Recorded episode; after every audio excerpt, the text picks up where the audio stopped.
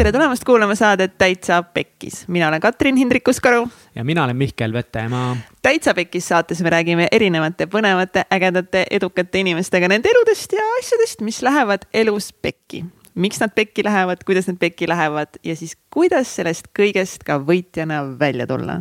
ja tänases saates, sõbrakesed, tänases saates mm, teine Mihkel Mihkel Rembel uh. AKA Rebel Mike. As known as Rebel Mike, absoluutselt. Mihkel Rembel on üks äh, ülikool tüüp, meil oli saates temaga nii palju äraleidmist ja äratundmist, ta on esimene. äraleidmist. äraleidmist, äratundmist, täpselt, ma nii mõtlesingi Äh, ta on esimene inimene, kes raamatu soovituste all tõi kohe välja Arnold Schwarzeneggeri Total Recall raamatu. kohe oli Brotherhood lihtsalt levelil viis tuhat. sest see on nii hea raamat igatahes, aga kes on siis äh, see mütoloogiline loom Mihkel Rembel? ta on nagu hunt kriimsilm äh, oma siis väga noore elu jooksul, tal on olnud väga palju ameteid, rohkem kui kätel sõrmi siis meil ta on töötanud erinevates pankades, baarmenina nii Eestis kui ka välismaal, teinud müüki igas võtmes ja juba kooli ajal alustas ta ettevõtlusega. ja mõned ametid, mis ta siis ka teinud on, ma, ma loen kohe ette, sellepärast et saate ajaks see tuleb, see tuleb kasuks. ta on lõpetanud eh, Tartu Ülikooli ettevõtluse ma ei tea, kuidas see eesti keeles, entrepreneurship and project management. ettevõtluse projekti juhtimine. ahah, aitäh sulle selle eest. issand, mul suust tatti lendas kohe siis ta on, tal on ka magister Tallinna Ülikoolis. Ähm, IT-halduse alal. IT-haldus või? on see eesti keeles? põhimõtteliselt võib nii öelda küll. äh, väga noorelt management. Äh, ta asutas ka mõned ettevõtted, äh, millest ta räägib siis saates lähemalt, kuid pärast ettevõtluskarjääri ta töötas Swedbankis ärikonsultandina, siis ta töötas Pricewaterhouse, PricewaterhouseCooperis audit konsultant, audiitorina, audiitorina. siis ta oli Citadeli pangas äh, corporate business manager ehk siis no nagu ärikliendi juht või nii-öelda või ärikliendi mm -hmm. haldur. siis ta oli SEB-s äh, samuti corporate business manager ja sustain-, sustainability ambassador. Sustainability on nagu jätkusuutlikkus. jätkusuutlikkuse, jätkusuutlikkuse ambassador ta on ka JCI-s, äh, noorteorganisatsioonis äh, Vice President of Business. ja tal on oma ettevõte Rebel Mike ja tänasel päeval siis äh, oma igapäevaleiba teenib ta Microsoftis, kus ta on siis startup manager. Microsoftil on selline siis startup'ide programm, kuhu erinevad alustavad ettevõtted saavad siis tulla ja see startup programm töötab, toimib kõikides erinevates riikides ja siin just Baltikumi poole pealt siis juhib Mihkel seda. nii et ta on tõesti palju jõudnud ja palju teinud. väga palju teinud väga palju erinevaid eh, töökohti ja ettevõtmisi ja ka nagu müügivaldkonnas on ta ikka mega hullu pannud, millest me saates eh, rääkisime ka, kuidas ta nagu iseennast on lihtsalt pannud eh, nii ebamugavatesse olukordadesse, et lihtsalt kasvada, siis ma olin lihtsalt nagu mingi, mis toimub, Mihkel. tahan mingit, tuleb õppida, tuleb kogeda talle enese challenge'id meeldivad. ja teiega. Aga enne seda, kui sa seda kihvti vestlust äh, Rebel Mike'iga kuulama lähed, siis kui sulle meeldib see, mis me teeme ja sa tahad meid kuidagi toetada, siis me ei, kõik jälle, no ei, eesti keel. Siis äh, toeta meid äh, patreon.com kaldkriips täitsa pekkis ja jällegi suured musid, kallistused äh,, musid püksi ja hääled kõrva kõikidele, kes meid Patreonis toetavad, aitäh teile, te tõesti aitate rohkem kaasa meie saatele, võib-olla kui te oskate aimata. ja kui sa ei soovi meid toetada Patreonis, siis see on ka mega okei okay., kuidas sa meid ikka aidata saad, on. jagades meie saadet oma sõpradega ja Instagramis pange follow ja ja kui see osa puudutab, siis, eh, siis kirjutage meile ja, ja jagage Instagramis, Facebookis ja pange subscribe ka Spotify's ja Apple podcast'is, siis saate endale ting-ting-ting kohe notification'id, kui uus osa iga esmaspäev eetrisse tuleb, jagame armastust. ja, ja üks, üks asi veel mm. -hmm Egert on olnud super, super tubli, super üüber tubli ja ta on pannud vist peaaegu kõik meie episoodid eh, Youtube'i ka ülesse. nii et nüüd eh, minul ja Katsil ja siin teistel tiimiliikmetel, meil tuleb nüüd need eh, õiged pealkirjad panna õigetele saadetele ja varsti, juba varsti. avaldada saate Youtube'ist vaadata ka meie saateid, need on küll veel, kõik on ainult ühe kaameraga filmitud, nii et see pro-, produktsiooni väärtus ei ole seal väga kõrge, aga minu meelest mega vahva ikka. mega vahva saab näha Mega inimesi, mis näoga nad mingit eh, lugu rääkisid Täpselt. ja, ja mis, mismoodi meil see stuudio siin välja näeb ja kuidas see kõik vestlus meil areneb ja meie puhul saab näha meie kukalt enamasti. meie, meie lolle nägusid vahepeal. või siis meie lolli kukalt. peaasi on see, et külaline on, külaline fookuses, külaline on keskel, tema nägu näeb. külaline on oluline, absoluutselt, nii et peagi Youtube'is. peagi Youtube'is. head kuulamist head kuulamist. Tere tulemast saatesse Rebel Maik Yeah! Yay! Rebel Mike here. tšau, Mihkel. oota, aga mis värk sellega on, et täna meil ei ole saates Mihkel, vaid meil on saates Rebel Mike. kui aus olla teile, siis tegelikult täna teil on au saates võtta vastu Rebel Mike kui ka Mihkel Rembel. saame mõlemat. kaks ühes, vau, vau, vau, vau, vau, vau, see on küll imeline. no Rebel Mike ei tea kõiki Mihkli lugusid kindlasti, on ju. Absoluutselt, mitte No Rebel. Mike on alles äh, pisikene veel. aga mis asi on Rebel Mike? mis asi, mis loom see on? mis loom see Rebel Mike on? no lähme kohe sellesse story'sse sisse, ma arvan, et sul on nagu õige mõte, tegelikult Rebel Mike on, on selline pikem lugu. ta ei ole, ta ei ole niisama lihtsalt tekkinud Mm -hmm. see nimi ise, see sai alguse kunagi, kui ma käisin Pärnu kolledžis ja minu kursavennad kutsusid mind rebeliks. See ka kahel põhjusel, sest mu perekonnanimi on Rembel ja see sarnaneb rebelile mm. ja teine põhjus on see, et ma ilmselt olin üks kahest, kes viitsis võib-olla loengus kätt tõsta, küsida ja vaielda vastu, et ja, ja tulenevalt sellest Rebel jäi külge. nüüd kerime aastaid edasi ja Rebel Mike on saanud minu ettevõtte nimeks. ja tulenevalt seda sellepärast, et äh, ettevõtlus on freaking raske. Ja kui Mihkel ära väsib, siis äh, Rebel Mike tuleb, et äh, davai, kuule, ma võtan üle, ma teen selle asja ära. ja alati saab Rebel Mike'i peale kindel olla, et kuule, et nüüd on tehtud. ja seda Mihkel nagu viskab siis jalad seina peale senikauaks, kuni asjad valmis saavad. kutsung, kutsung, Rebel Maik, Rebel Maik võta üle, võta üle. Ja selline see story on ja nüüd ma kasutan Rebel Mike'i enam-vähem igas sektoris ja valdkonnas. igapäevaselt ainult Rebel kõik ülesanded Rebel ma Mike'i põhimõtteliselt küll, vaata, me enne rääkisime, et ma delegeerin palju mm. -hmm. ma delegeerin kõik Rebel Mike'ile mm. -hmm. ta, ta teeb kõik ära. onju, vaesekene, mul on kahju ka tast natuke, aga ta on veel noor ja uljas, nii et aga kust Rebel Mike oma energia võtab? kuule, kui ma teaks, siis võtaks Mihkel ka sealt samast kohast. asjad lähevad meil siin väga lõhestunud isiksus. ja eh, sul on eh, täna Rebel Maigile kohaselt eh, seljas ka üks must eh, T-särk, mis, mis sul seal T-särgi peal on? sellega käib kaasas selline loogika, et äh, alati sa pead olema sina ise. aga kui sa saad olla Batman, siis ole Batman. nii et täna mul on Batman'i särk seljas. lisaks Rebel Maigile on kohal ka Batman. kuulge, meil on juba kolm inimest täna siin Mhm. stuudios. kõigile, kes äh, on spetsialise-, spetsialiseerunud skisofreenikutele, palun minuga ühendust võtta. Oh, väga huvitav, väga huvitav. aga kui äh, Rebel Mike äh, panna kõrvale, siis ähm, kust Mihkel pärit on? Mihkli juured ulatuvad Ida-Virumaale, Kiviõlis on Mihkel sündinud. Mihkel elas seal äh, super, terve saate kolmandas kolmanda, ja ma just mõtlesin sama asja, teeme kolmandas isikus. kolis sealt ära Tallinnasse. peale Tallinnat äh, hüppas, hüppas ta nii-öelda siis sellisesse kohta nagu Prillimägi. prillimägi. kui keegi ei tea, kus Prillimägi tea, on, siis äh, see on Tallinna ja Rapla vahel, jääb keskele.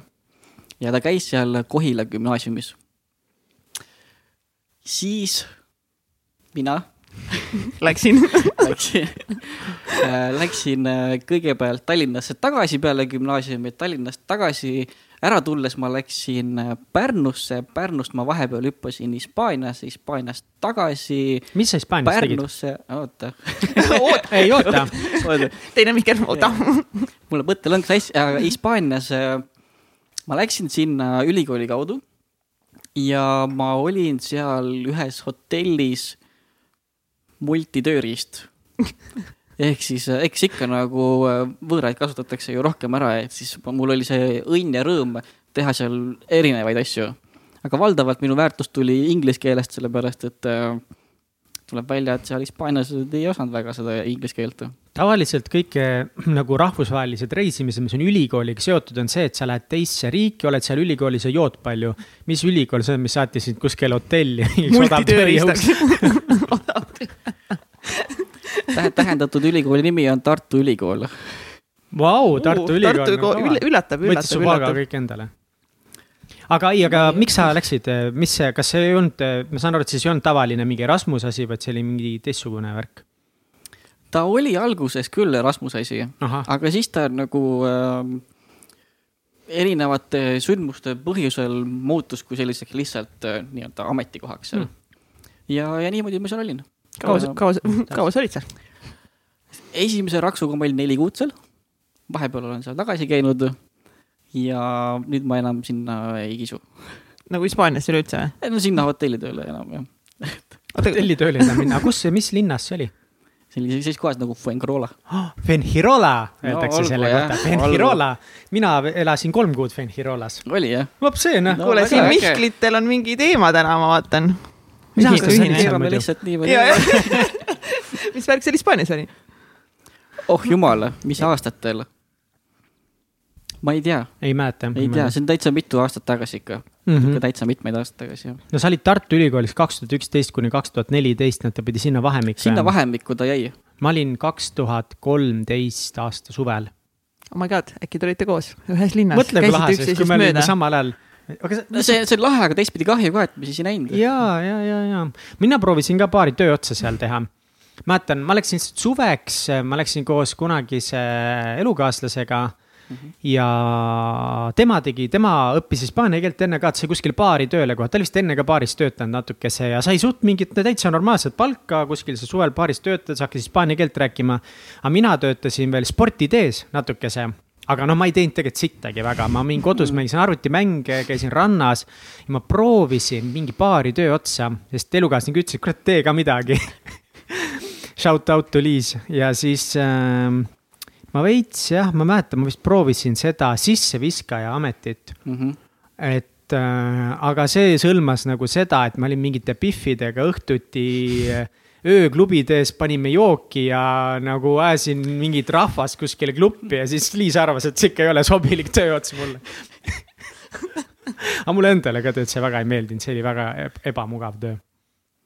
ja nii ma ülejäänud suve ikkagi otsustasin, et ma ikka pigem nagu olen seal arvutis asjalik Muidugi. ja uju- muidugi, elame life'i ikka. imiteerid töö tegemist. mm. -hmm, imiteerin töö Mhm. tegemist. Fenhirola oli väga armas vaikne hispaania linnakene, mis on siis eh, teile kõigile teadmiseks eh, peamiselt eh, suures osas inglise vanuritele. kui ma ei eksi, mäletan, seal nagu öeldi, et nagu inglise vanurid käivad näiteks väga palju seal. oota, aga ma tahan ikka teada, mis sa seal hotellis ikkagi siis nagu tegid siis nagu, nagu konkreetselt, mis ülesanded sul olid, mis olid nagu kõige siuksed ülesanded, mis sa ei tahtnud nagu väga teha, aga pidid tegema? Ma ei tahtnud rääkida nende niinimetatud inglise vanuritega, miks? sellepärast et nad olid väga kapriissed ja e- enamik äh, olid seal hotellis juba mitmendat korda ja nendel olid nagu oma arusaam, kuidas see hotell peaks nagu opereerima. ja, ja siis läks keeruliseks. siis nüüd ma sain aru peale, peale ma ei tea, mitmendat case'i ma sain aru, miks see hotelli direktor mind sinna võttis.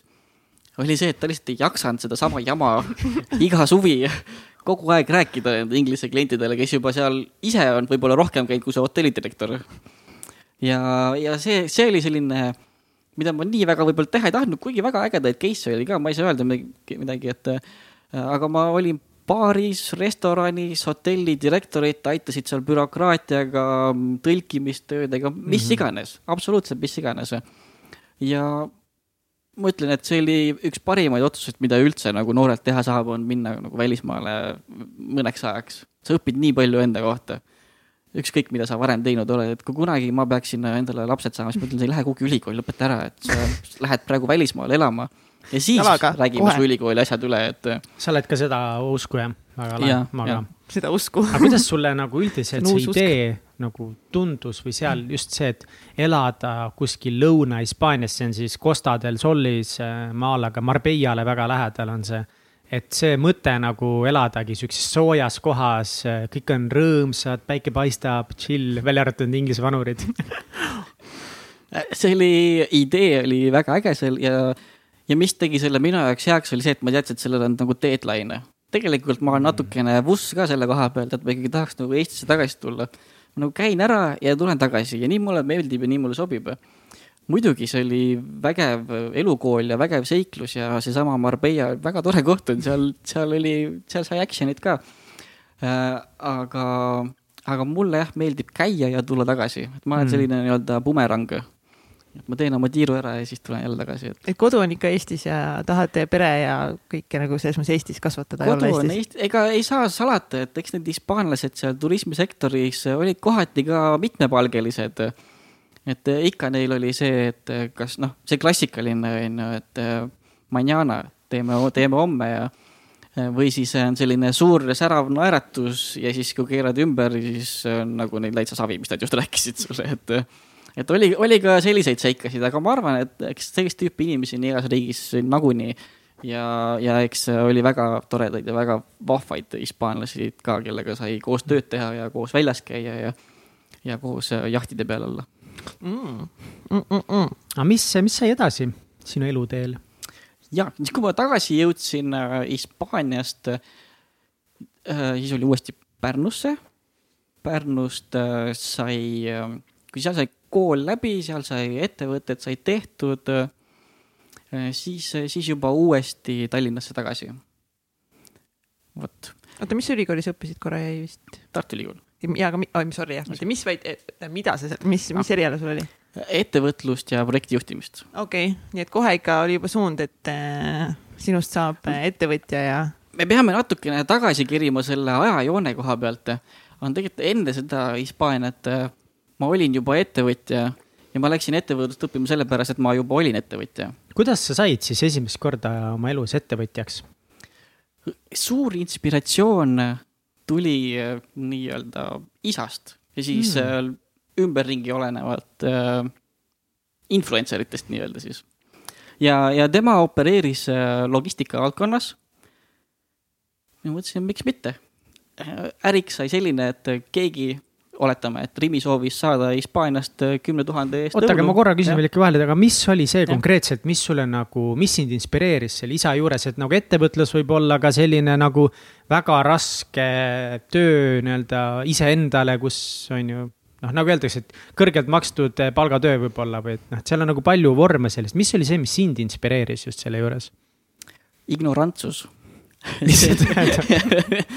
see, sa praegu ütlesid välja kõik need asjad, mida ma õppisin sellest, aga see, et miks ma sisenesin sinna, see on lihtsalt see, et nagu tee.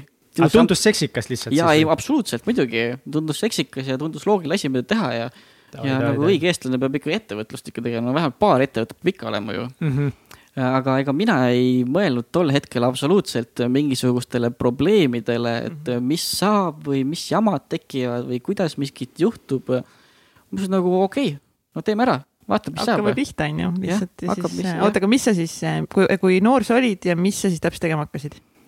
üheksateist äh, hakkasin seda tegema ja selline logistikavahendus oli hästi lihtne, hästi basic asi. keegi soovis saada mingisuguse eelarve eest äh, mingist riigist kätte, mina otsisin, kes selle odavamalt ära toob. mingeid tooteid nagu? ja, ja mulle meeldib tuua seda näidet, et Riimi tahab kümne tuhande eest õunu, mina otsin, kes kaheksaga nad ära toob kuidas nagu üheksateist, ma mäletan, kui ma olin üheksateist, ma just vist kolisin Tallinnasse, tulin ülikooli või ei, ma olin üheksateist, ma olin kaksteist klassi, nagu okei, ütleme, et kui ma tulin Tallinnasse ülikooli, kui ma kolisin ema kodust välja vanaema kodusse siis mäletan, mängisin Skyrimi päris palju siis ma käisin klubis täiega palju ja ma teadsin, et kui paps kannab kolm sotti pangakontol üle, et siis ma saan jälle kluppi minna. mitte keegi ei rääkinud mulle, et Rimi tahab kümne tonniga osta, et kui ma kaheksaga leian, et siis on hea diil. keegi ei rääkinud. sama, sama, sama. Kats, kas sulle rääkis keegi, et Selveril on nagu seitsme tonniga, et viie tonniga? Polnud õrna aimugi, et sihuke asi üldse võimalik on mm. -hmm. no ei tea ausalt öeldes äh, täna, kui ma meenutan, siis ma ka ei tea, kust see täpselt tuli aga ilmselt äh, nagu sellised äh, ettevõtjad olid ümberringi, rääkisid mm. mingisuguseid teemasid, keegi utsitas natukene, siis keegi kuskilt lükkas sinnapoole, lükkas tännapoole, tiris ja tõmbas. ja, ja minu breik, kuidas, noh, kuidas ta lõpuks nagu alguse sai, niimoodi, mu esimene klient oli, oli see, et ma olin varasemalt käinud reisil mm. -hmm. ja reisil tutvunud ühe logistikast äh,, logistikast alustanud naisterahvaga. tema oli siis nii-öelda selline, ma ei tea, võib-olla täna öelda nagu senior logistika äh, ühes suures äh, ettevõttes. ja, ja saime nagu läbi, käisime ka klubis äh,, tutvusime üksteisega rohkem ja, ja, ja õppisin, õppisin tema kohta nii äh, mõndagi äh, kui nüüd ma alustasin oma business'it, siis ma mõtlesin, vot ma regasin ära, onju, läbisid selle kadalipu, et üldse nagu püsti saada selle asjaga. nüüd teen. okei okay., siis ma mõtlesin, mis saab, ei teadnud Mm -hmm. ja järsku, ma ei tea, ma ei tea, mis hetkest, ma mäletan seda hetke jumalast nagu visuaalselt silmade ees, aga, aga ma ei tea, kuidas ta minuni jõudis, oli see, et oota, aga ma ju tean ühte Poola tüdrukut. ja see Poola tüdruk, talle meeldib ju Enrique Iglesias. Okei okay,, okei okay., mis ma teen selle informatsiooniga nii, väga hea. Mihkel, sa oled õigel teel ettevõtlusega siis mõtlesin, okei okay,, ta on logistikas on ju, noh, ma teadsin jah, et ma olen ka logistikas on ju, see oli selge vähemalt. ja otsisin siis Enrique Iglesiast ja, ja leidsin, et ta tuleb esinema Poola, mingisugune noh, mingi pool aastat pluss midagi sellist oli. siis ma ütlesin, okei okay,, mul on täpselt nii palju raha, et saada talle kaks Enrique piletit. ostsin ära, saatsin talle need Enrique piletid koos sellise kirjaga ja läks mingisugune kaks kuud mööda, kui mul tuli kiri vastu. Mihkel, ma sain kätte su kirja. ma olin äh, ehmatusest ja õnnest pisarates äh,. Enrique on minu all time. Kui sul on kunagi midagi vaja, anna teada. sa olid, sa olid lihtsalt mingi tšau. mis sa kirjutasid talle, kas sa mäletad või? no ma kirjutasin talle äh, ülevaate meie koos veedetud äh, pidudest ja, ja siis, et ma väga appreciate isin seda ja ütlesin talle, et kuule, et ma alustasin ise ettevõtlusega. ja, ja ma mäletan, äh, et sulle meeldis Enrique, võiksime teha koostööd. Nice. mega hea Nii mõte lihtsalt, teha. täpselt inimsuhted, noh, inimsuhted. inimsuhted ja viimased kopikad sa, sa ei tea, kuidas mul nagu süda sees värises, nagu ma võtsin selle krediitkaardi ja, ja ma vaatasin, siis Enrique piletid maksid mingi, ma ei tea, noh, täpselt nii palju, kui mul raha oli. mul käed klaviatuuri peal niimoodi tõmblesid lihtsalt, et nagu, nagu proceed order või kindel, ma ei tea ikka, kas ma tahan seda ettevõtlust nii väga teha Riike kreetsis pileteid. ja tegin, tegin ära ja saatsin sinna ja, ja sellest sai nii vägev story ja, ja siiamaani ma saan äh, nii-öelda jõulukaarte tema käest, et ta on tegelikult ainuke, kelle käest ma jõulukaarte saan, nii et palun keegi saatke mulle veel jõulukaarte no aga Ingrisse, Ingrisse jah, saada Enrique pileteid ja. kõik saadavad jõulukaarte ühesõnaga, temast sai siis sinu nii-öelda siis partner, kes aitas sul siis seda äri Jaa, käima panna. ja alati sain mina esimese info pakkumise, et öö, oma teenusega teha nendele vajalik teenus ära. aga ma lähen natukese veel detailsemaks lihtsalt, et luua seda mm -hmm. pilti täpselt ühesõnaga, et okei okay,, tema oli logistikas, nüüd teil mm -hmm. oli nagu suhe oli soe mm. -hmm. ja kas see siis nägi kuidagi niimoodi välja, et joo, Mihkel, et äh, ma ei tea, et me just plaanime siin kuradi ananass äh, Baltikumi saata, et oled sa huvitatud nagu mingist diilist või? jah, täpselt nii oligi, et kuna Poola on hästi selline mm, meie jaoks oluline trading punkt ja seal, seal on palju terminale ehk siis kohad, kus kaup kokku tuleb ja kaup välja Aa, saadetakse okei. uuesti, siis neil oli see, et äh, kes siis nagu toob ta ära näiteks Baltikumi Mm -hmm. ja siis tuli mulle alati see meil või kõne, et kuule, näed, et meil on jälle see ootamas ja me teame, et need on sinu mahud, et tuled äkki võtad ära. hind on selline. Ja siis mul oli sealt see esimene ots oli olemas, ma selle teise otsa pidin ise otsima, et kes siis nagu toob ta siis ära reaalselt. mis, kas sa mäletad ka, mis see esimene diil oli? ja õunad, õunad, kui palju? kümme kilo. kümme kilo? no selles mõttes, et nagu kümne tuhande eest äh, nagu eelarve. kümne tuhande euro eest õunasid? niimoodi ja mi, mis sinu nagu järgmine samm siis peas oli, et okei okay, nagu selles mõttes, et sa ju ilmselt ei kandnud kümmet tonni kohe üle, kümmet onju. tonni said? ei, ei, ei äh, see ei olnud niimoodi, et äh, minul oleks olnud vaja seda kümmet tonni Mhm. vaid et see, kes Eestist tahtis saada, ütles sellele nii-öelda, kes talle neid õunu provide ib, ütleb, mul on kümme tuhat. saad sina selle eest, kui sa mulle need ära tood. nii et siis see, kes selle ära toob, hakkas otsima, kes toob. mina olin see, kes toob ja mina ütlesin, et okei okay,, ma, ma nagu teen selle kaheksa eest ära. see käis nagu nii mitu vahendusliini on seal ja siis igaüks võtab nagu oma katti sealt nagu, nagu vahelt ära, et mul reaalselt ei olnud tegelikult raha vaja. sest et kõik käis nagu kättesaamisel. okei okay,, nüüd sul oli vaja leida keegi, kes on nõus siis ostma õunasid või tooma õunasid Äh, mul oli valm-, jah, mul oli vaja see leida, kes tahab õunasid. kes tahab õunasid, aga kuidas sa leidsid selle, kuidas nagu üks üheksateistaastane hakkab nüüd leidma kedagi, kes tahab õunasid suures koguses? no vanaema ei jõua nii palju süüa, sõbrad ka ei jõua nii palju süüa.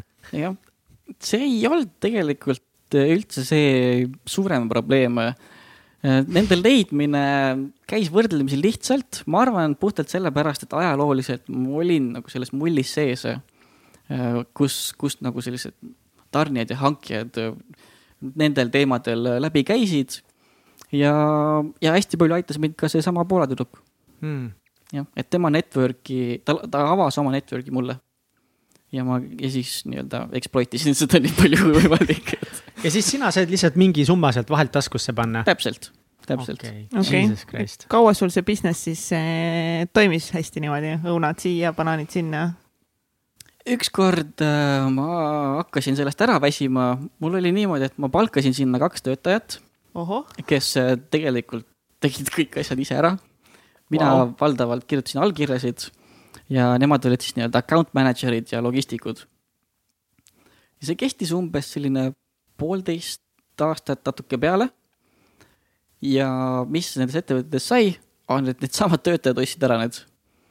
Nad olid omavahel abielupaar ja ükskord nad tulid minu juurde, et Mihkel, et sa meil liiga palju raha maksnud, me tahaksime ära kolida Sitsiiliasse ja me tahaks selle ettevõtte endaga kaasa võtta. Siis tegid äh, pakkumise, et okei okay,, kuule, aga me ostame siis äh, ära sinu selle ettevõtte ja miks nad said ära osta selle, oli jälle see, et äh, sinu indiviidi väärtus on sinu network ja tegelikkuses, mis see suurim väärtus oli seal, sa ostsid, nad ostsid minu nii-öelda kliendid, minu kontaktid, minu network'i ära sest muidu nad oleks võinud ise püsti panna selle -hmm. seal ja teha sealt sama asja edasi. kas sa olid siis mingi kakskümmend või, kui sa tegid nii-öelda oma esimese exit'i või? jah, jah. Vau, aga selleks ajaks olid eh, nagu selles mõttes juba päris korralikult siis eh, pappi kokku ajanud ka või? nagu kus see business no,. kahekümne aastase kohta no.. jah, ütleme jah, et. Nagu kas elu oli nagu ilus? isa ei saatnud mulle kolmesadat eurot klubisse minna sellega ma sain, sain ise hakkama see ei olnud midagi suurt muidugi, me räägime mikroettevõtetest ikkagi siin ja, ja selline hästi teenusepõhine ja, ja nagu need töötajad ütlesid mulle, et kuule, ma olen teile liiga palju maksnud, no oleks ma teadnud, ma oleks vähem maksnud või öelnud siis seda, et. mis vähem, tuleb vast, aga ma korra tahaks küsida veel, et enne kui sa nagu räägidki oma sellest võib-olla heast elust või kuidas siis nagu kuidas see mõjutas sinu elu, siis mis oli see, mis sind väsitas selle juures, sest see kõlab nagu väga ilusalt, sul on kaks töötajat kes teevad kõik ära, me isegi jõuame sellest rääkida, sellest, kuidas sa need töötajad leidsid, mis kõik väljakutsed oli üheksateistaastasena juhina olla, võib-olla nad olid väga isemajandavad, aga, aga mis sellest siis nagu väsitavat oli? Sounds good. konstantne hirm, vastutus ja laenukoormus. see oli, see oli, see oli hull pressure oli see kogu aeg tegelikult mm. ja siis, kui, siis kui need läksid nagu meelest ära, siis tuli see, et issand jumal, ma vastutan kahe töötaja eest praegu. mõtlesin, mingisugune kahekümne aastane nolk, kellel töötajad kolmkümmend viis pluss olid nad tol ajal. ja siis mõtlesin, ma nüüd, ma pakun neile tööd ja mis saab, kui mul nagu, nagu need kliendid ära kaovad, sest et äh, kogu, noh, kõik asi käis minu nime alt mm. -hmm. aga nemad nagu opereerisid seda. ja siis mõtlesin, issand jumal, et noh, elavad, noh, ega ma nii palju ka neile palka ei maksnud, vaevalt, et nad meeletult investeerisid sellel ajal.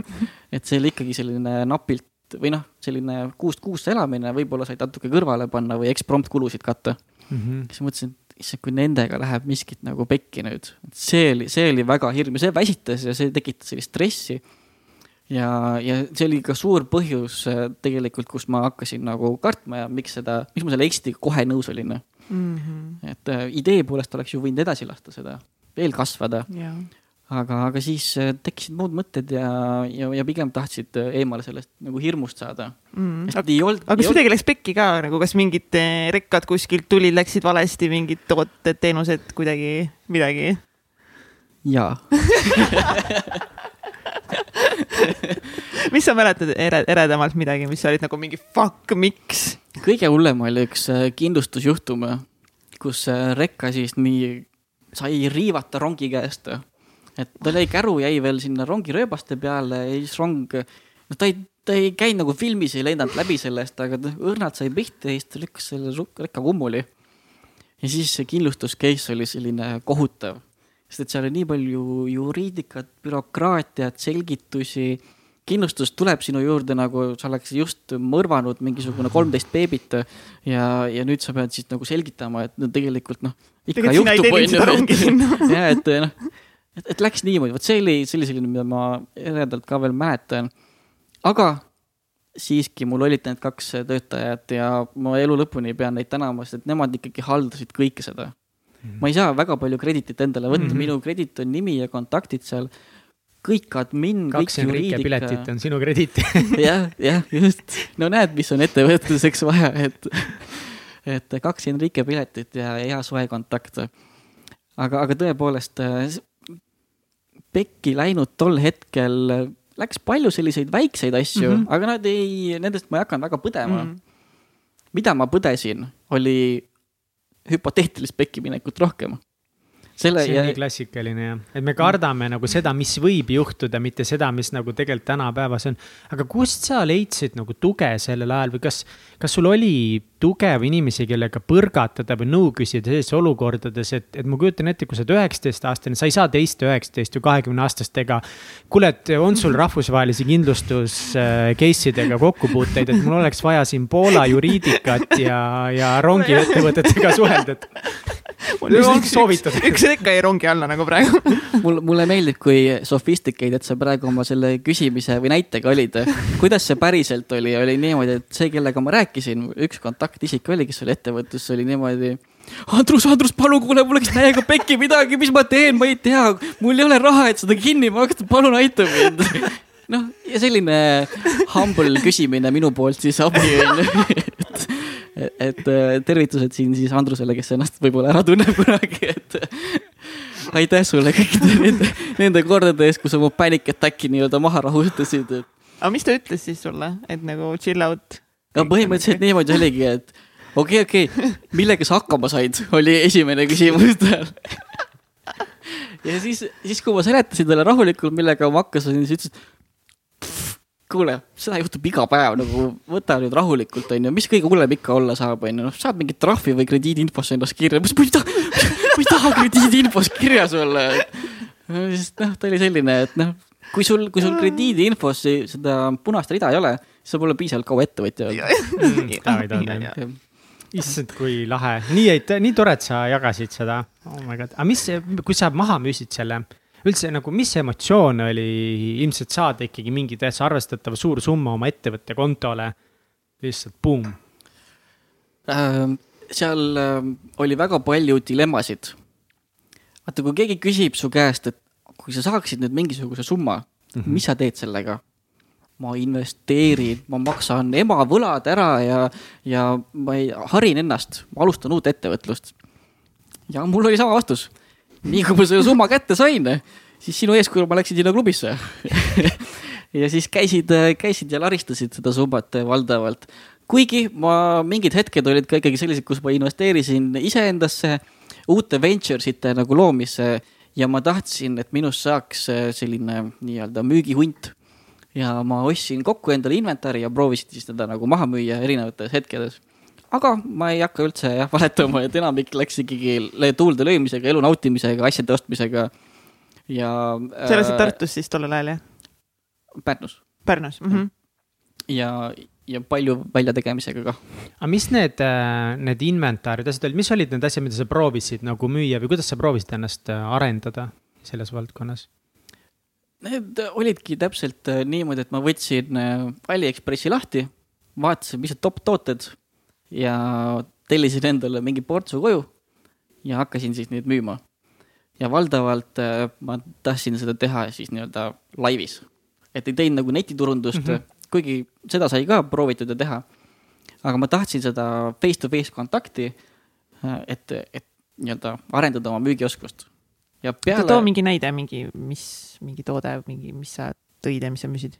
jah, ühed olid Äh, joonistusraamatud, mis, mis tegelikult äh, on funny, aga töötasid nagu jube hästi. siis ma käisin neid müümas äh, lasteaedade ees onju, ja lasteaedade ees, kellele sa neid müüsid seal? vanematele. lihtsalt põhimõtteliselt nagu noh, door to door. door to door, Door to otse door, müüki door lihtsalt tänaval vanematele. Kas see hirmus ei olnud? oli küll, eriti siis, kui nad ütlesid, et, et imelik on, kui mingi täiskasvanud mees laste ees seisab.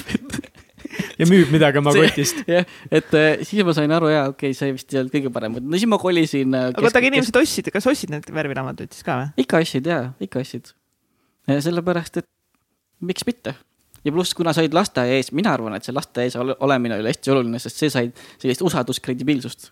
sellepärast, et justkui lasteaed oleks lubanud mul seal olla. aga tegelikult sa ei rääkinud läbi nende ei, lasteaedadega? absoluutselt mitte. mul oli lihtsalt Vau. lasteaed oli maja kõrval, siin oli jube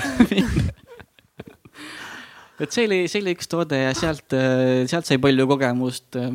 siis ma proovisin äh, kontoritarbeid veel müüa nii-öelda ettevõtetele, ka läksid ettevõtte uksest sisse enam-vähem, hakkasid siis nii-öelda kontoritarbeid müüma. kontoritarvete story on see, et mulle tundus, et see on päris raske asi, mida müüa ja sellepärast ma võtsin selle, tahtsin lihtsalt teada miks? sest et ma tahtsin osata müüa kont- või osata müüa midagi rasket. miks? müügitöö on ilmselt, kui mitte ainus, minu strateegiline karjäärikäik elus. ma olen, ma olen tahtnud ja teadlikult, struktureeritult proovinud kõiki müügistiile enam-vähem, mis mul nagu pähe tulnud on. noh, kõiki muidugi liialdatult öelda, aga, aga mis tundusid raskemad ja mis on huvitavamad. ehk siis nii telefoni otsas, Eestis ukselt uksele, tänava peal, shopping mall, esindused, sektorite vaatest ka igasuguseid B2B, B2C, B2 government on ju, noh, mis, mis iganes on saanud äh, kuhugi hambad külge löödud ja proovitud. kas ma olen kõigis õnnestunud oh,? absoluutselt mitte. kas ma olen leidnud see, mis mulle meeldib rohkem? jah, nii on aga miks sa seda kõike nagu tahtsid proovida, miks sa tahtsid seda müüki ära õppida? juba teismelisest east ma olen aru saanud, et terve elu sa võid tõlgendada justkui müügitööks. müük on kõige väärtuslikum tööriist, mis sul saab olla. ja see on, see on minuga kaasas käinud kogu aeg. ja just lihtsalt sellepärast ma tegingi seda, et saada võimalikult heaks nii-öelda noh, kunagi ma ütlesin müügiinimeseks, täna ma ütlen, et lihtsalt müügiskill oleks, oleks tasemel aga miks, miks, miks, miks see müük on kõige olulisem tööriist sinu arvates? no aga mõtle, mida sa iga päev teed. ükskõik, mis sa teed, sellel on kas müügielement sees või ta on tõlgendatav sõna otseses mõttes müümisse. on siis see, et äh, kodus soovid tassi kohvi saada, ütled oma kaasale, et kuule, ole hea, et kas sa viitsid, onju. mis su müügitöö on, teed papihaise ja, ja siis oled lihtsalt nunnu ja üt- siis ütled aitäh ka, siis see on sinu currency seal enam-vähem onju, et. et see on ju ka müügi nagu transaction või, või siis karjääris äh, iga päev sa teed ainult müüki, isegi kui sa ju oled, ma ei tea, näiteks arendaja või midagi sellist, sa pead ju ka näiteks müüma, et sinu versioon sellest koodist on õige või üldse tööle saamine, absoluutselt, see on ju enda müük. ja, ja ma mõtlesin, et mis on nagu biggest bang for your buck. et kui sa peaksid välja valima ühe sellise asja, siis müük ongi see, millele ma maandusin ja millele ma siis nii-öelda mõtlen strateegiliselt selle peale ja kui palju sa nagu natukese etteruttavalt täna mm. -hmm. näed, et sa oled seda müügioskust ära kasutanud oma elus? no väga palju see, iga päev. see, ega jah, absoluutselt iga päev, et äh, ega muud ei teegi tegelikult. Ma olen tänaseks sinnamaani jõudnud, ma ei tea, kas ta on hea või halb nagu mentaliteedi vaatest, aga kõik, mis ma teen, on, on nagu müük. ma ei suhtu sellesse äh, nii-öelda, nagu öeldakse, mingi müügiinimene, shark või mingi selline, sellised stigmatised asjad, need on minu jaoks nagu ammu kadunud. ma ei mõtle niimoodi, et sul peab alati olema süda õiges kohas ja eetika paigas ja kõik sellised asjad ja, ja müük kui manipulatsioon on täiesti off limits. et, et see nii ei käi, müük on ikkagi kahe osapoolele väärtuse pakkumine. ja ükskõik, mis viisil see siis on. ja absoluutselt iga päev teen seda. näiteks mu töö on müük. ja noh, tänasel päeval tegelikult toast väga palju välja ei saa, sest et ei tohi, onju. aga, aga muidu oleks ka kõik muud asjad ka, et samamoodi. väga wow., väga cool. Ma olen ka, ma olen telefoni, no ma olen ka hästi palju erinevaid müüke proovinud, telefonimüüki ka, mul tuligi meelde, et Fenhirolas ma proovisin ka seda telefoni. päriselt, ma ei teagi. ja, ja, ja see oli juhuslikult sattusin niimoodi, et ähm, mingi Soome ettevõte, kellel oli siis see kõnekeskus oli seal Fenhirolas ja siis mingite inimeste kaudu sattusin sinna, läksin proovisin ühe päeva ja müüsin mingisugust äh, noh, online telefoniraamatut nagu või no nagu see mingi üks, üks, kaheksa, kaks punkt ee või mingi sihuke, mingit sihukest kontseptsiooni ja see oli nii halb. see toode oli prügi ja. sa oled super siukse kõnega Lihtsalt-. see toode, mida ma hakkan tutvustama, see on puhas prügi oh,. see toode oli prügi ja lihtsalt see külma müügi tegemine, võtad selle telefoni kätte, helistad mingile inimesele, hakkad mingi teksti järgi panema ja see oli nii halb ja see oli nii hirmus ja ma tegin selle ühe päeva nagu lõpuni ära, siis ma olin mingi, et okei okay,, ma ei tule siia kindlalt tagasi, see oli nii halb. ma helistasin veel mingi tuttavale, sattusin ka helistama veel ja ma vist, ma ei mäleta, kas ma ütlesin talle, et see olen mina või ma panin vale nime alt, ma ei mäleta sa tegid Eestisse müüki või? Eestisse jaa, sest see oli Soome ettevõte, kes jah, selles Aa. mõttes äh, müüski Eestisse ja Soome oma seda telefoniraamatut. Ja siis ma läksin koju ja mõtlesin, et kurat, et ma olen ju ka ikkagi müüki elus teinud veits ja ma olen rampse käinud müümas ja ma ei ole sihuke tuss. ma lähen tagasi, ma teen selle asja ära, siis ma olin pool päeva. ja läksin minema.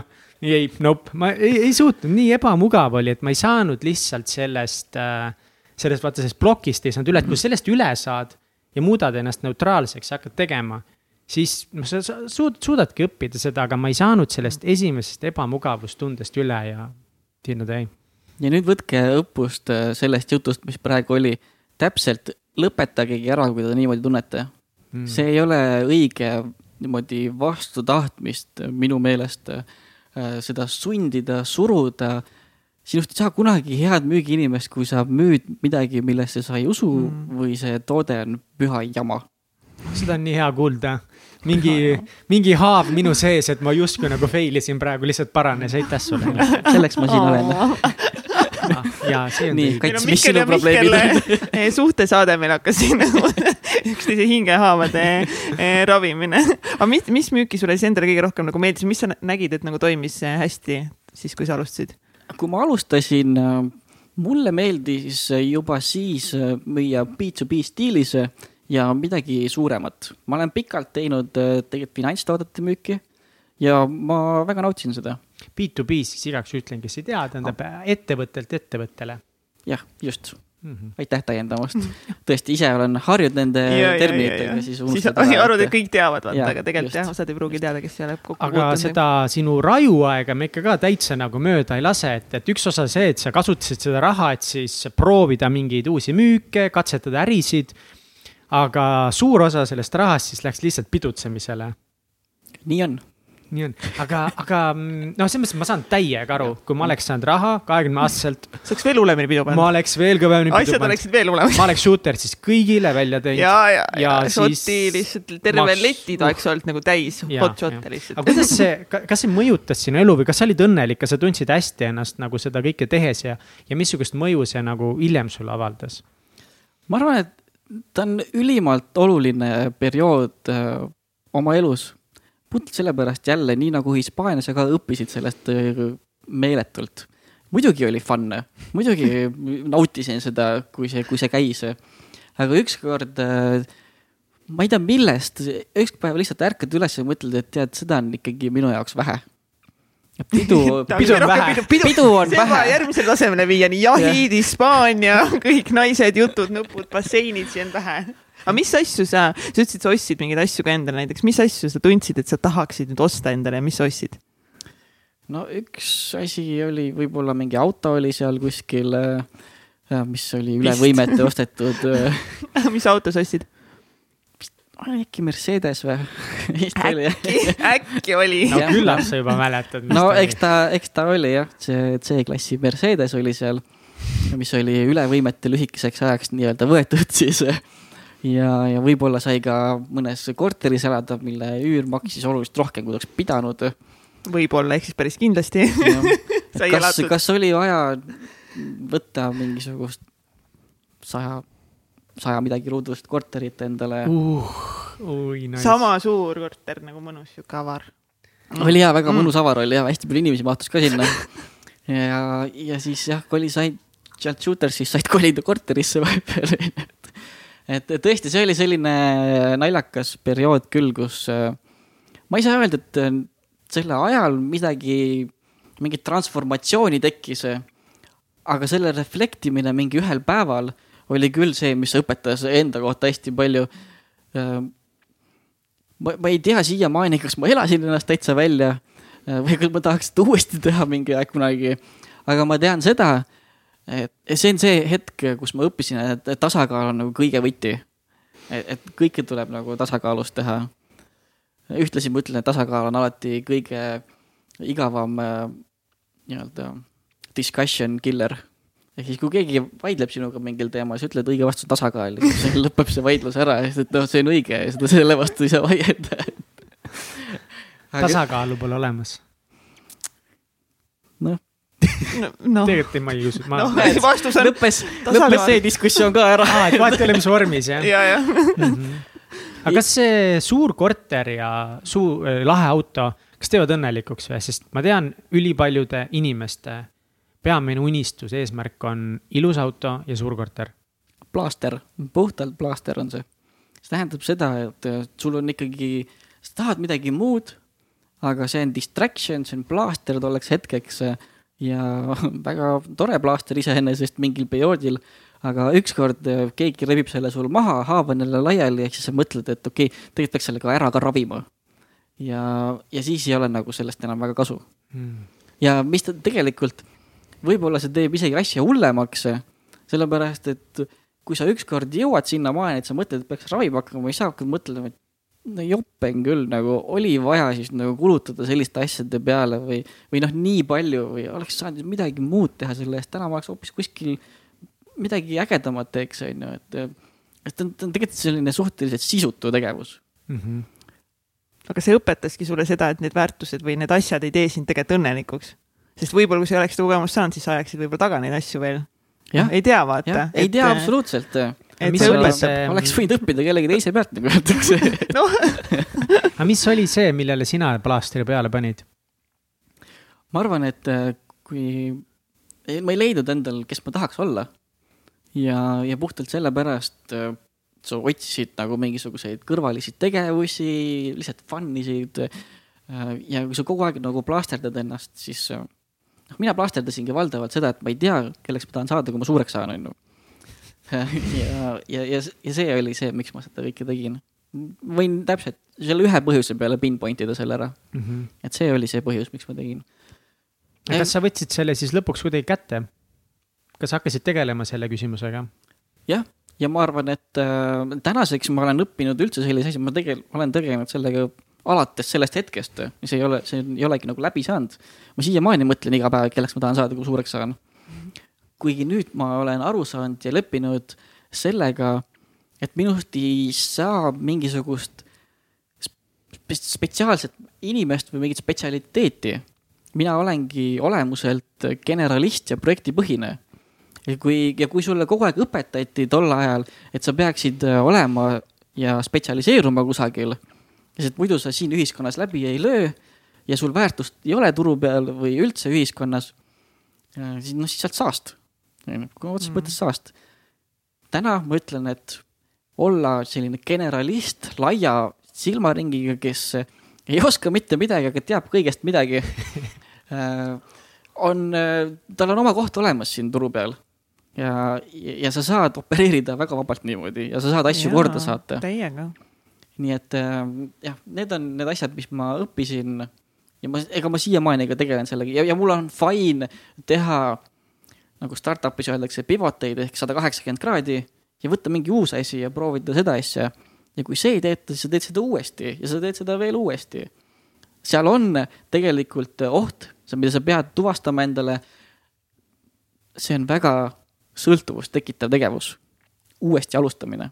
No mitte mm. kõigile loomulikult, inimtüübid mm. on erinevad, aga näiteks minusugustele on see sõltuvust tekitav ja sulle meeldib uuesti alustada, sulle meeldib uudsus ja see efekt, mis see annab mulle väga, ma nii, see on naljakas, see on ju Mihkel ja kõik, mis sa räägid, ma, ma hästi nagu resoneerun nagu mingi... sellega.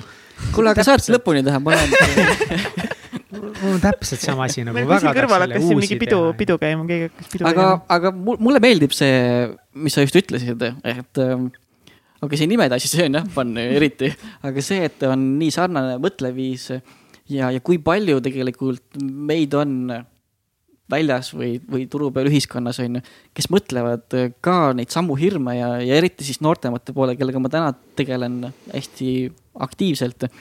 et on fine olla see, kes sa oled mm, -hmm. sa ei, sa ei pea mingi õpetuse järgi seda nii-öelda oma elu käekäiku justkui noh, ei, sa ei pea mööda seda käima. Käi nii, nagu sa tunned, et on õige. sest lõpuks sööb su hinge lihtsalt niivõrd palju seest, kui sa teed ikkagi, mida õpetatakse, mida keegi ütleb, on ju, või, või sa arvad, et on õige teha hmm.. Rebel Mike. Rebel Mike see oli praegu Mihkel Rembel, see oli siiras värk, et selle peale ma valan kohvi juurde. selle peale tuleb, tuleb täiega kohvi valada. jaa, väikse lonksu mm.. aga mis siis pärast seda pidutsemisperioodi siis eh, toimuma eh, hakkas? Ilmselt üks mu elu raskemaid perioode. puhtalt eh, sellepärast, et eh, ma otsustasin konstantselt mugavustsoonist väljas olla, mis iganes ta tolleks hetkeks võis täht-, tähendada aga ma hakkasin ennast otsima ja selle otsimiste käigus äh, tegingi igasuguseid huvitavaid asju, et äh, näiteks neid müügiasju, okei okay,, müügiasju ma tegin strateegiliselt, aga, aga mis, mis kindlasti olid sellised ka valusamad kogemused, olid äh, see ukselt uksele müük, mis mul väga meeldis. aga ma müüsin neid tolmuimejaid Eestis ja, ja see oli ka natukene selline sõi, sõi seest, sellepärast seal ei olnud müügi flow ei olnud paigas, et ma, ma anna andeks kõik tolmuimeja müügimehed ja firmad, kes praegu kuulevad. Need, kes teil uksi avavad, ma arvan, et äh, nad teevad overselling ut liiga palju mm.. Nad teevad seda haipi liiga palju. ja siis, kui siis see, see naiivne, tore, rõõmus, armas, kena müügimees ehk mina jõudis siis sinna ukse taha siis eh, tema ootused olid hoopis teistsugused eh, siis nii-öelda sellele potentsiaalsele kliendile. Eh, see on selline üks, üks, üks side, side note sellele. aga, aga tõesti, ma proovisin erinevaid asju, proovisin näiteks sektorites erinevaid asju. Panin ennast olukordadesse, millesse ma ei tahtnud, ma siiamaani mäletan, kuidas ma läksin Pärnu abilinnapeaga või linnapeaga, ma ei mäletagi, läksin väitlusesse, noh, väitlusüritus oli korraldatud ah ja, ja siis äh, ma nagu väitlesin temaga, et äh, miks on Pärnus halvem elada kui Tallinnas, oli minu positsioon ja temal oli siis nagu vastu. et äh, Pärnus on parem või jah, Pärnus on parem kui Tallinnas. miks? jah, ja siis mina olin seal nagu, tead inimesi ei ole siin väga palju ja midagi teha siin ei ole. et selline prep oli väga väikene ja, ja siis Pärnu linnapea vastu, kes on terve elu Pärnus elanud, armastab Pärnut äh, lõputult ja, ja ei, ei lahku siit kunagi, on ju, et. et see oli selline huvitav kogemus ja hästi palju selliseid väikseid, väikseid hetki oli. ja läbi selle siis õppisid ennast tundma, tihti elimineerimistaktikaga, sest et kuna sa ei tea, kelleks sa saada tahad, siis sul ei jää midagi muud üle, kui kuskilt otsast alustada ja vaatad, et äkki see ei ole, mm, okei okay,, kriipstud maha äkki järgmine, mm, see, kurat, see ka ei olnud. okei okay,, ja siis lõpuks, kui sul on mingisugune kakskümmend sellist äh, asja maha kriipsutatud, siis sa hakkad mõtlema, issand, must ei saagi mitte keegi mitte kunagi. ja siis sul tekib teistpidi selline ahastuse tunne, nagu, mis ma siis nüüd teen? kes, kes ma olen, miks, miks ma olen üldse? Ja siis sa otsid seda jälle omakorda ja ja aga see tekitab äh, nüüd jälle tagantjärgi loomulikult tarkus, see tekitab sellist mental toughness'i ja ähm, emotsionaalset intelligentsi ka. et mitte minna paanikasse, mitte kellegi peale karjuma hakata selle pärast ja, ja tol ajal ma õppisin selle ära. alati võta ise vastutus mm. Kõik, mis nagu toimub, võta ise vastutus, sest muidu sa ei saa edasi liikuda. aga kas sa siis vahepeal tahtsid ikka teisi süüdistada? absoluutselt jaa. tänagi on vahepeal niimoodi, et issand jumal, ta jälle, ei, ei, ju siis sina ei andnud piisavalt hästi neid juhtnööre, see oli see probleem, mitte tema ei teinud seda ära, onju, või mm. tegi valesti või, või noh, mitte optimaalselt. Äh, või siis trennis on, karjud äh, mõttes treeneri peale, onju, kui sina hakkama ei saa, onju. No kas tegelikult on tema süüdi või? vaevalt siis võta, võta lihtsalt tuimalt vastutus iseendale. sa ei süüdista kedagi, sa oled kohe selles punktis, et hakata olukorda parendama.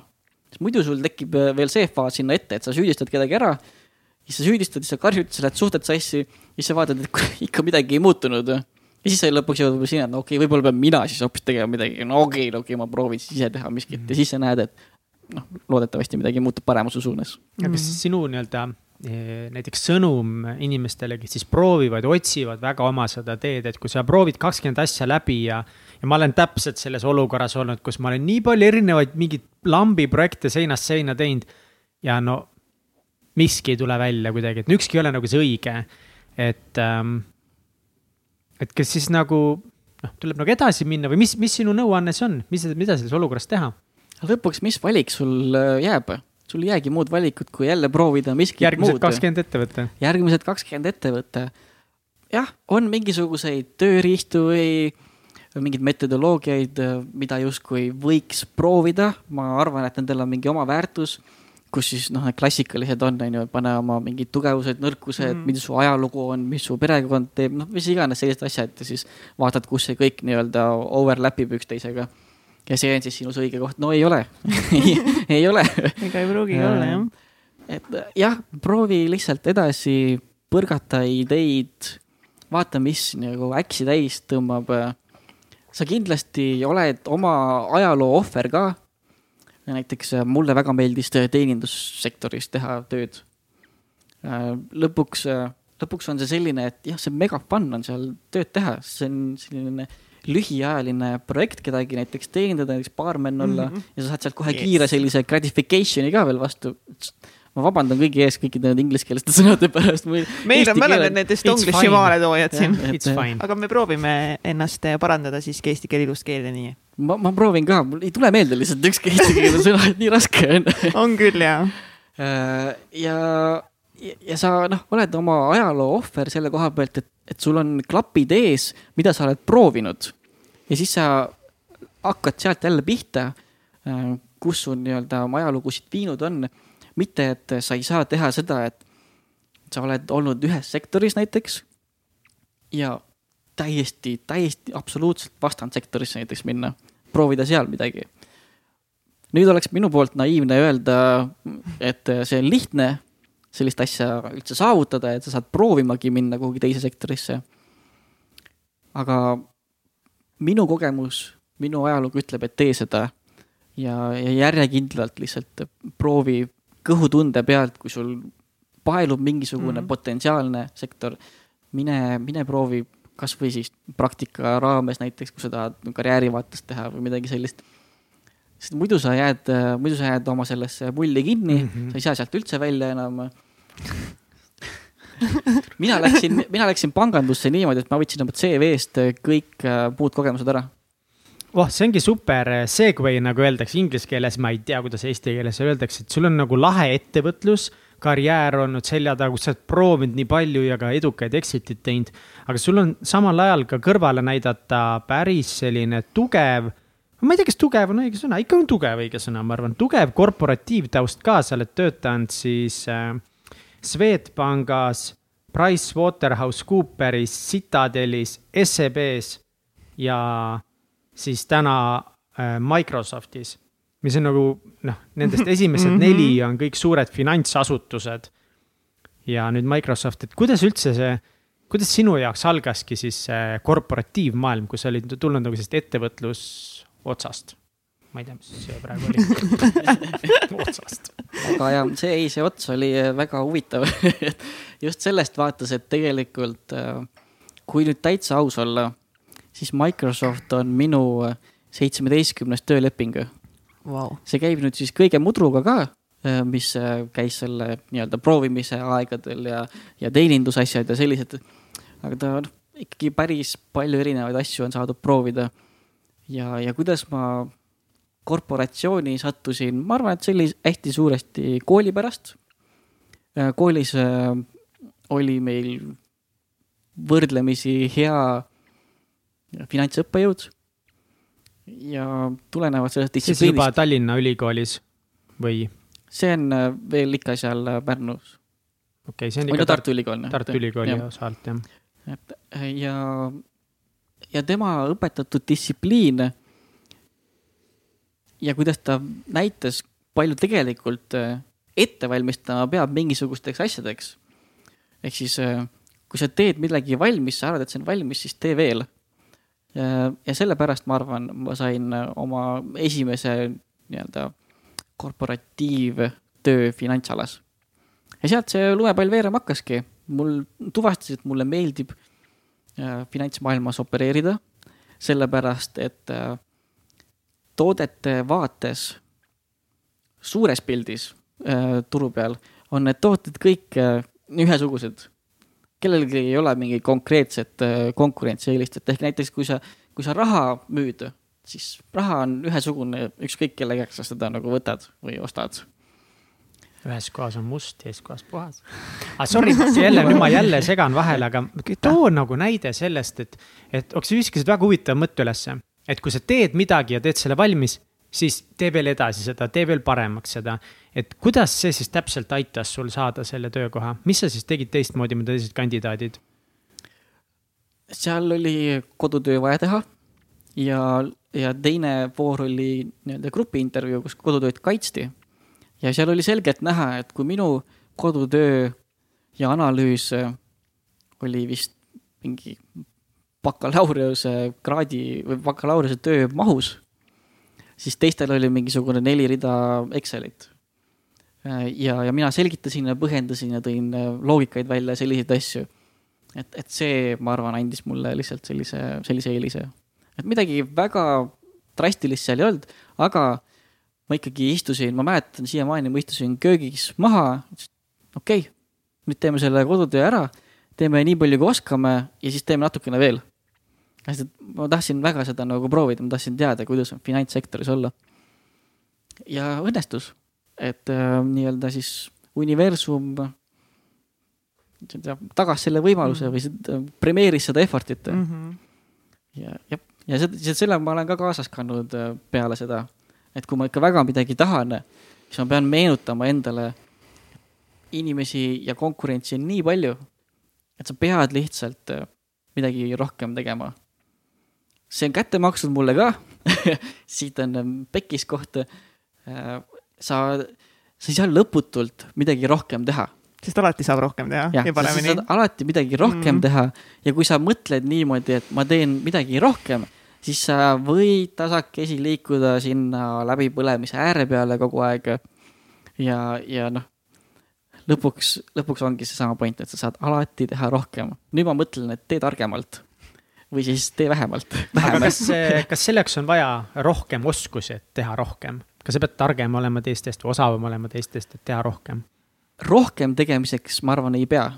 et äh, tänases infoühiskonnas, kui sul on mingi skill'i vaja siis sa saad rohkem teha ka Google'i abiga mm. -hmm. kui sa tahad teha targemalt või kuidagi optimeeritult seda, vot siis, siis sa pead olema tõenäoliselt rohkem kogenud põhimõtteliselt kõige, ma arvan, ongi, saab väga hästi kokku võtta niimoodi, et kui sul väga palju skill'i veel ei ole, siis tee lihtsalt rohkem, siis tööta üle. ajapikku sa saad kogemuse, proovi optimeerida oma kogemust, hakkad seda targemini ära kasutama ja hiljem tulevikus, sa teed lihtsalt paremini täpselt, ma olen täp-, ma olen nagu ikka Mihklid on omavahel nõus. oi, Mihklid lihtsalt. kuule, Mihkel, aga, aga kui ma vaatan samas seda, et erinevas finantsettevõttes kõikides sa oled töötanud umbes ühtemoodi circa kaks aastat, et mis on selle põhjus, et sa siis kauem üheski kohas ei olnud või? kui me nüüd äh, kerime sedasama podcast'i tagasi siis äh, see projektipõhisus äh, ja uuesti alustamine, need olid nii atraktiivsed lihtsalt seal oli muid põhjuseid ka tihtipeale, aga valdavalt ta läks sinna kategooriasse, et tahaks midagi uut lihtsalt teha. mulle meeldis oma amet. ja mis, mida sa saad teha midagi teistmoodi, on sedasama asja näiteks siis kuskil mujal. ja proovida ja katsetada ja vaadata, mis seal on. ja, ja noh, niimoodi juhtus, et vahetasid neid ära ja, ja ma olen tänaseni väga projektipõhine. ja ma ei hakka seda enam üldse salgama et aga see on vist sihuke võib-olla kasvav trend ka, ma tean, et äh, näiteks mingi see visiting CMO, et ongi nagu turundusjuhid, kes aitavadki nagu kuskil mingit projekte nagu käima tõmmata ja siis on nagu voila ja liiguvad nagu teistesse ettevõtetesse nagu edasi, et, äh, et see on nagu kihvt, et sa saadki nagu mingi töö ära teha ja siis edasi, edasi liikuda ja võtta nagu uued väljakutsed, et sul nagu nii-öelda ei hakka igav. Mm. -hmm ja mõnele mul, inimesele sobib see lihtsalt rohkem, nagu sa ütlesid ka, et, et ma arvan, et see on väga lahe, et sa oled nagu enda osas selles mõttes aus, et sa oled õppinud ja aru saanud, et jah, mulle meeldibki nagu katsetada ja uuesti alustada. täpselt äh, ja minu arust üks äh, oluline õppetund jälle enda puhul on see delegeerimisoskus, mis tuleb sellise katsetamisega. sest et äh, siis sul tekib rohkem neid olukordi, kus sa ei oska või sa ei tea, kas sa ei tea kultuuri pärast, kas sa ei tea näiteks noh, müügist toodet või, või teenust. ja sul ei jää mitte midagi muud üle, kui kas kaasata kedagi endale appi või otsida delegeerimisvõimalusi, et olla nagu projektijuht ja projekti juhtida. ja lihtsalt konstantselt sellises olukorras olles kaob igasugune selline nii-öelda kas, kas siis hirm delegeerimise ees äh, ära, sellepärast et tihti delegeerimise, mis ma näen siin noorte puhul, kes siin kooli lõpetamas on, nad ei julge delegeerida ka sellepärast, et nad ei julge, noh, ei julge küsida või nad ei julge mm. öelda et, et see on probleem, muidugi on perfektsionistidel on teised probleemid, onju, et kus ma siis delegeerin ära, sest küll kammo keegi ei oska teha. Keegi ei tee paremini kui mina nagu, onju. et ma arvan, Jah, et jah, ka võib see olla, et mõnikord tundub lihtsalt kuidagi, et noh, et, et ma peaksin ju justkui ise tegema. et isegi see, et näiteks minul on nagu oma töös seda olnud, et ma tunnen, et noh, aga miks ma üldse olemas olen, kui ma ise neid asju ei tee, mitte tingimata, et ma peaks või noh, et ongi, et, et on noh, et mul ei ole nagu võib-olla lepingus ette nähtud, ma teen kõiki asju ja ma ei tunne, et ma teen kõiki asju ise kõige paremini. aga kuidagi nagu see hirm, et ma ju peaksin tegema, et mulle makstakse ju palka, et ma teeksin tööd. kuidas ma delegeerin nagu erinevaid asju kogu aeg ära, et kuidas sa nagu suhestud sellega? ma näen su mõtet, aga ma selles mõttes ei suhestu sellega. Ma ise ei mõtle niimoodi ja lõppude lõpuks, kuidas sa mõtled? kuna me kõik ettevõttes töötame ühe eesmärgi poole, siis ei ole vahet, kuidas see tehtud saab, kuni see tehtud saab. okei okay,, disclaimer'id sellest vaates, et kõigil peab ikkagi olema süda õiges kohas, keegi kellelegi haiget teha ei tohi ja mingit toksilist keskkonda ei loo. Need on, need on nagu must be asjad.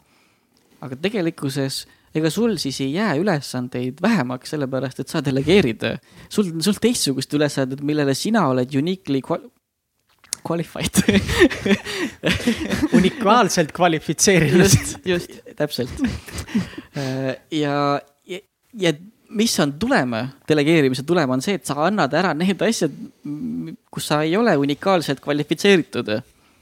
ja sa teed neid asju tõenäoliselt paremini kui keegi teine, kus sa oled.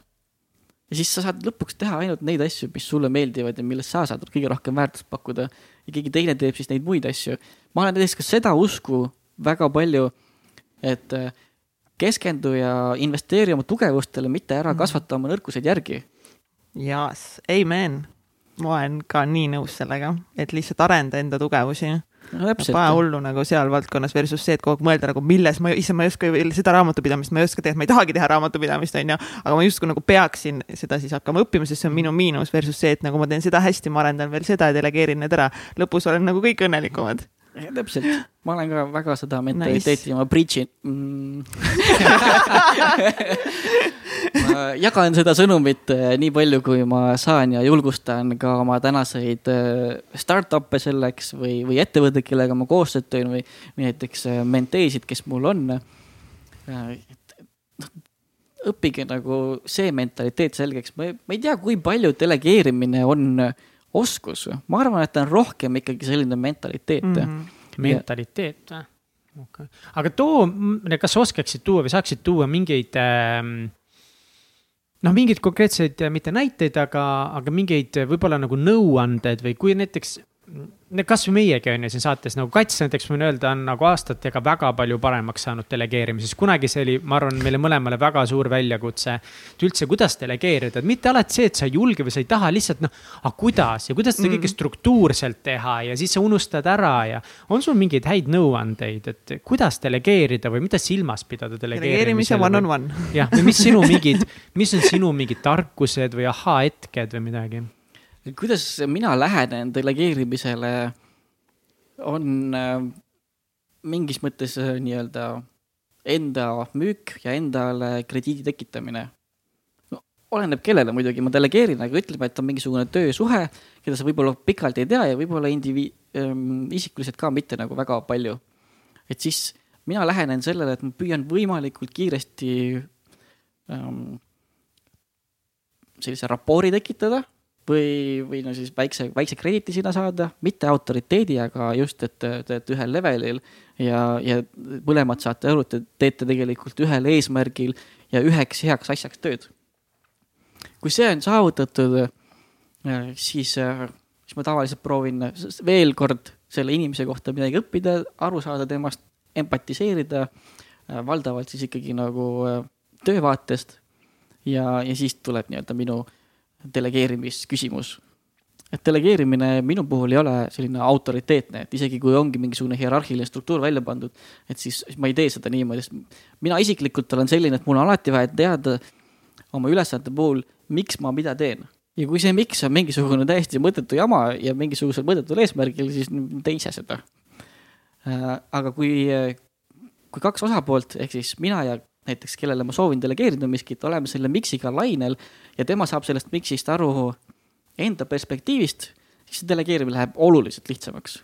lihtsalt see ei olegi siis, keegi tunne, et kedagi oleks delegeeritud, vaid me jagasime lihtsalt ülesanded ära, et saavutada see tulem ja nii lihtne ta ongi, ma, ma ei tahagi üldse üle mõelda sellest, ma ei taha ühtegi raamatut lugeda sellele, et jumala eest, äkki õpetab veel midagi kui see, kui see veel mulle midagi õpetab, siis ma hakkan üle mõtlema sellest, ma hakkan optimeerima neid asju.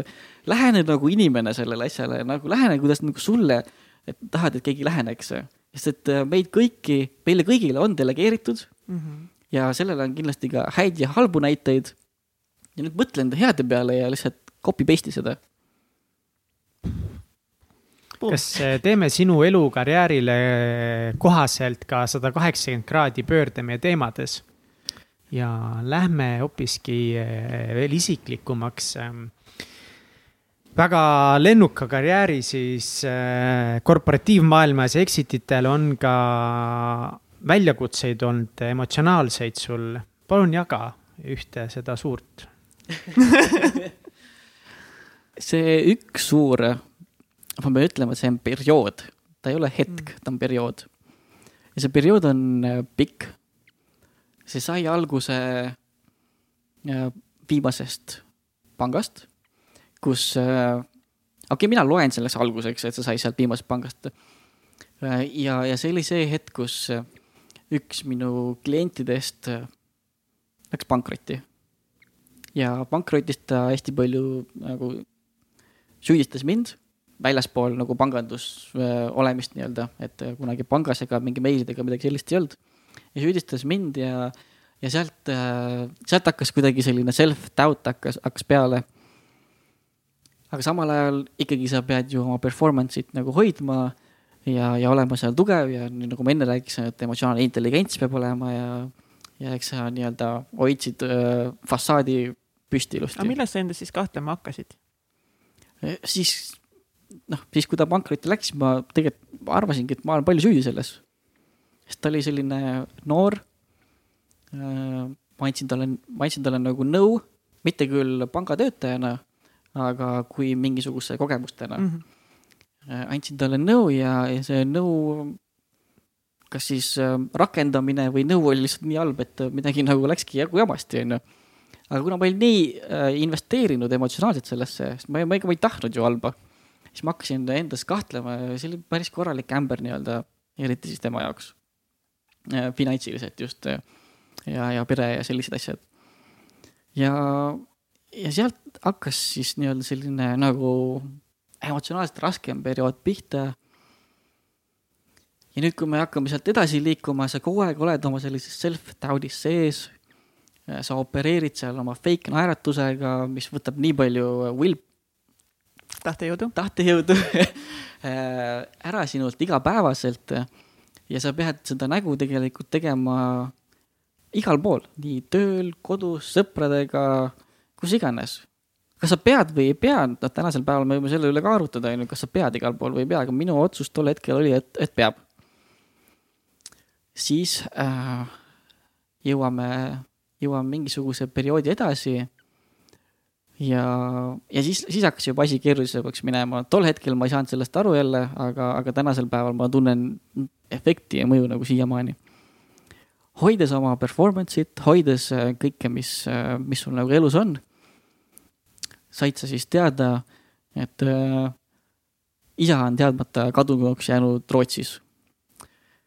ja tegelikult ega tänaseni on ta kadunud ja sellest on nüüd siis vist äkki aasta või poolteist. räägi, mis su isa sinna Rootsi viis või? minu isa otsustas, et ta teeb ühe rekkasõidu, sest ta on endine rekkamees samamoodi ja, ja ta otsustas, et ta teeb sinna rekkasõidu ja, ja ta jõudis oma sihtpunkti. seal juhtus midagi, ma ei tea, mis see täpselt on, keegi päris täpselt ei tea. ja, ja ta otsust- ja siis ta nagu kadus ära sealt me tegelikult siiamaani keegi ei tea, kus ta on, mis ta on, kas ta on. ja millal see oli? see oli äkki maikuus, äkki vist oli või? eelmise aasta mais? jah, jah mm., et selle aasta mais ei olnud. kui lähedased suhted sul äh, isiga olid? minu suhted isaga, ma ei saa öelda, et nad olid äh, meeletult lähedased äh, antud perioodile aga meil ei olnud ka kunagi sellist äh, omavahel vähemalt äh, mingisugust, ma ei tea, nagu halbu suhteid konkreetselt. okei okay,, jah, ma ikka õpetasin talle, kuidas oma elu elada, sest et noh, mida su poeg ikka teeb muud, kui õpetab isale, kuidas elu elada äh,. ja, ja, ja tol hetk, nagu tükk aega tegelikult on läinud aega, et kuidagi jõuda selle efektini, mis justkui nagu lähedase vanema kaotus nagu annab, ükskõik kui lähedane sa tegelikult mm -hmm. oled. miski, mingil hetkel hakkab, jõuab see kuidagi sulle mingi teed pidi pähe ja hakkab mõjutama sind. ja mis teeb asja hullemaks, ongi tegelikult see, et sa ei tea. sest näiteks täna on, täna on ainus nagu, no mitte ainus asi, aga üks asi, mis tal, mis tema jaoks oli oluline, on tema äh, see dokument koos pildiga, kus, äh, mis näitab, et ta võib nagu rekkat sõita. et see on ainus asi, mis mul nagu oma isast selles mõttes nagu on. sest muud asjad, noh, on ära visatud enam-vähem. kuidas sa said teada, et ta on kadunud või kuidas see, kuidas see info üldse nagu. alguse sai? kuidas see alguse sai, kuidas see välja tuli või? ma, ma sain seda teada siis oma vanaema käest, ehk siis tema oma ema käest. mis teeb seda asja veel nagu keerulisemaks on see, et nüüd vanaema on mul seal üksinda majas, mida ta siis ise nagu ülal hoiab. mis teeb veel keerulisemaks seda, et mul on väga lähedased suhted oma vanaemaga, keda ma siis äh, nii-öelda püüan, püüan hoida. ja mis teeb seda veel keerulisemaks, on see, et mu vanaema kaotas, on kaotanud oma elu jooksul mõlemad oma lapsed mm.. et minu tädi siis, ehk siis minu isa õde äh, lahkus meie east mingis, kui ta kolmekümnendate alguses äkki oli. niimoodi une pealt on ju, et noh. ja, ja täna ongi jah, see, et sa ei tea, ma ei tea, mis täpselt uh,, siis closure, closure'it ei ole, et äh, ma, ma seda ma ei oskagi tõlkida, et mm. -hmm. et, et kui, mis tast sai või miks ta niimoodi oli. on nagu mingisuguseid teooriaid või kas politsei on midagi proovinud uurida? eks valdavalt süüdistatakse jooki mm.. et äh, sellega oli ka probleeme. Äh, aga noh, et ta täitsa nüüd nagu niimoodi kadus ära, on müstiline. sest et noh, alalhoiu instinkt justkui nagu oleks võinud olla alles. Põhja-Rootsis lühikeste pükstega olevat udu tõmmanud, plätud jalas, dokumendid, rahakott maas autos. et, ähm, et noh teooriaid on igasuguseid, valdavalt sinnapoole kaldutakse, mis on õige, kas me kunagi üldse teada saame. aga kas sa ise tunned, et teda enam ei ole või sa usud, et ta kuskil ikka on? mina arvan, et teda enam ei ole. et, et noh, kuskil on ta, kuskil kohas mingis hetkes otsustas ta võib-olla, et siia ei maksa enam jääda, et lähme, lähme parematele jahimaadele, et millal sina selle otsuse enda jaoks vastu võtsid või millal see jõudis sinuni, see tunne? ma pean ütlema, et ta käib nagu selliste lainetega. mingi hetk ma võtsin selle suht kohe nagu, siis ma mõtlesin, et tea ikka nagu, no kas ikka saab olla.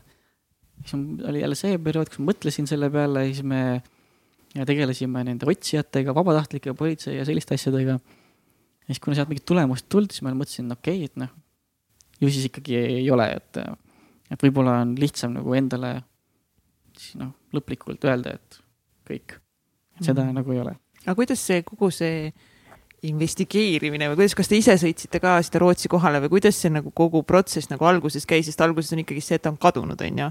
siis eesmärk on leida ülesse mm. -hmm. see protsess äh, käis läbi erinevate institutsioonide, äh, nii politsei kui ka vabatahtlike, nii Eestis kui Rootsis.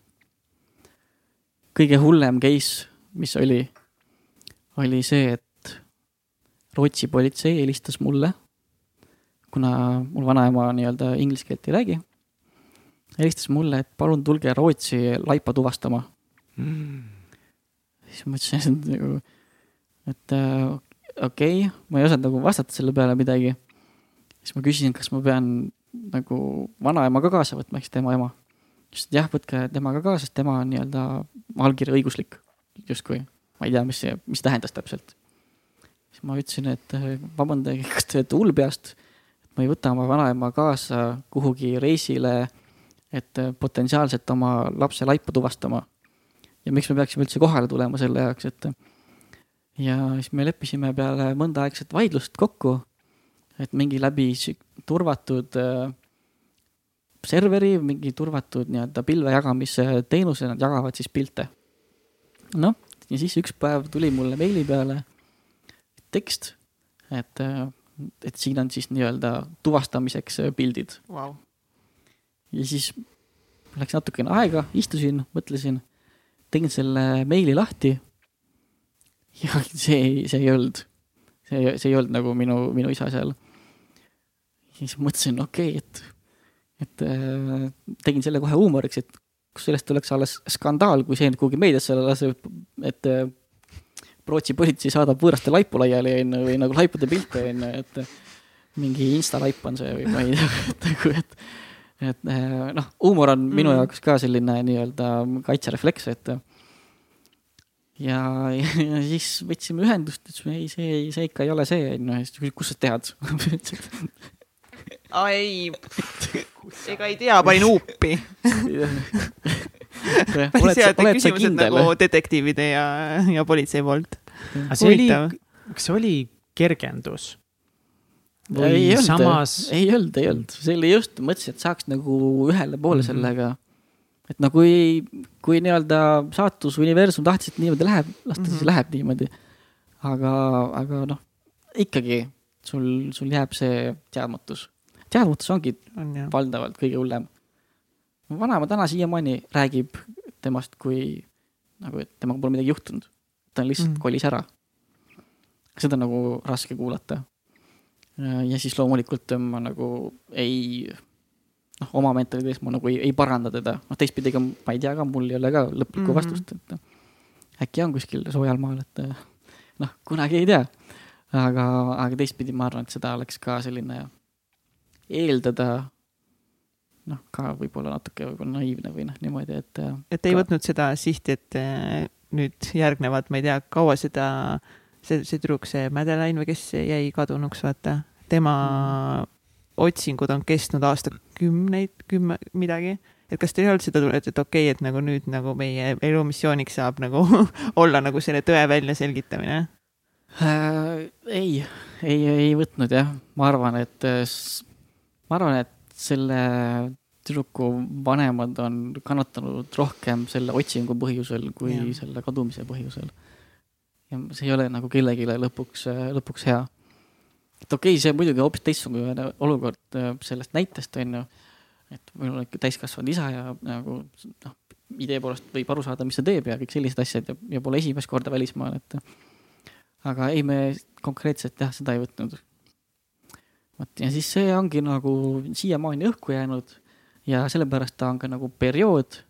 aga no muidugi, mis mulle meeldib, on see, et ka universum vist ilmselt on mõelnud niimoodi või siis vaadanud mingisuguseid, ma ei tea, Jackie Chan'i filme, et nüüd peaks mingit roundhouse kick'e õppima ja siis saadab, saadab igasuguseid huvitavaid kick'e nagu, kick'e nagu veel, veel nagu minu poole, et et siis, kui see nagu tekkis mõne aja pärast, tead, oled, oled sa kunagi nagu meeletult tahtnud ja püüelnud teadlikult millegi poole, näiteks mm -hmm. kogunud ressursse või midagi selliseid asju. ja siis on, ja siis on see hetk, kus tuleb mingisugune, sellel hetkel tuleb veel mingisugune finantsiline pauk. siis sa mõtled, et okei okay,, et noh, näed, et nüüd ma kaitse, kaitsmise efekti pärast pean oma selle unistusest jälle loobuma, kas siis praegu või mingiks ajaks või midagi sellist. ja siis see viis nagu veel rohkem sellisesse negatiivsesse meeleollu. siis olid äh, nii-öelda tööteemad. siis muidugi otsustas universum, et kuule, et nagu koroona on ju ka jumalast fun. teeme nagu selle ka, et äh, viskame selle ka sinna äh, nagu hulka mis ma koroona ajal ise õppinud olen, on see, et ma olen ikkagi väga inimeste inimene ja mul on vaja neid näha ja katsuda, et äh, endal nagu energia üleval oleks. üksi kodus on ikka, ikka raske nagu olla mm. -hmm. ja, ja siis sa muidugi kaovad sul sellised märkamatud plaastrid ära, kus sa tegeled iseendaga nagu rohkem ja, ja sa võib-olla siis oled mm,, on sul nagu lihtsam minna negatiivsesse meeleollu. et, et seda positiivsust üleval hoida, et on, on raskem aga kuidas sa tegeled nende hetkedega või kuidas sa endaga hakkama saad nendel hetkedel, kui nii-öelda see kurbus võib-olla või noh, ongi need negatiivsed mõtted ja kurbus tuleb peale, et, et ma nagu olen sinu jutust praegu välja lugenud, et sa oled üldiselt otsustanud, et sinu isa on lahkunud siit ilmast, aga et samas vahepeal mingid teatud see, ikka see mingi mõte, et aga me ei saa kunagi nagu teada, et kas see ikkagi mingil määral kummitab sind ja kuidas sa siis sellega hakkama saad?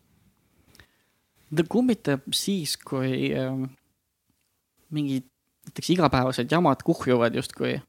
siis ta kui, lihtsalt ärkab jälle kuskilt välja, et kas sa siis äh,, ma ei ole aru saanud, millest ta vahepeal tuleb. kas ta näiteks sellest, et äh, sa siis otsid, ma ei tea, mingit lootuse tunnet mm -hmm. näiteks.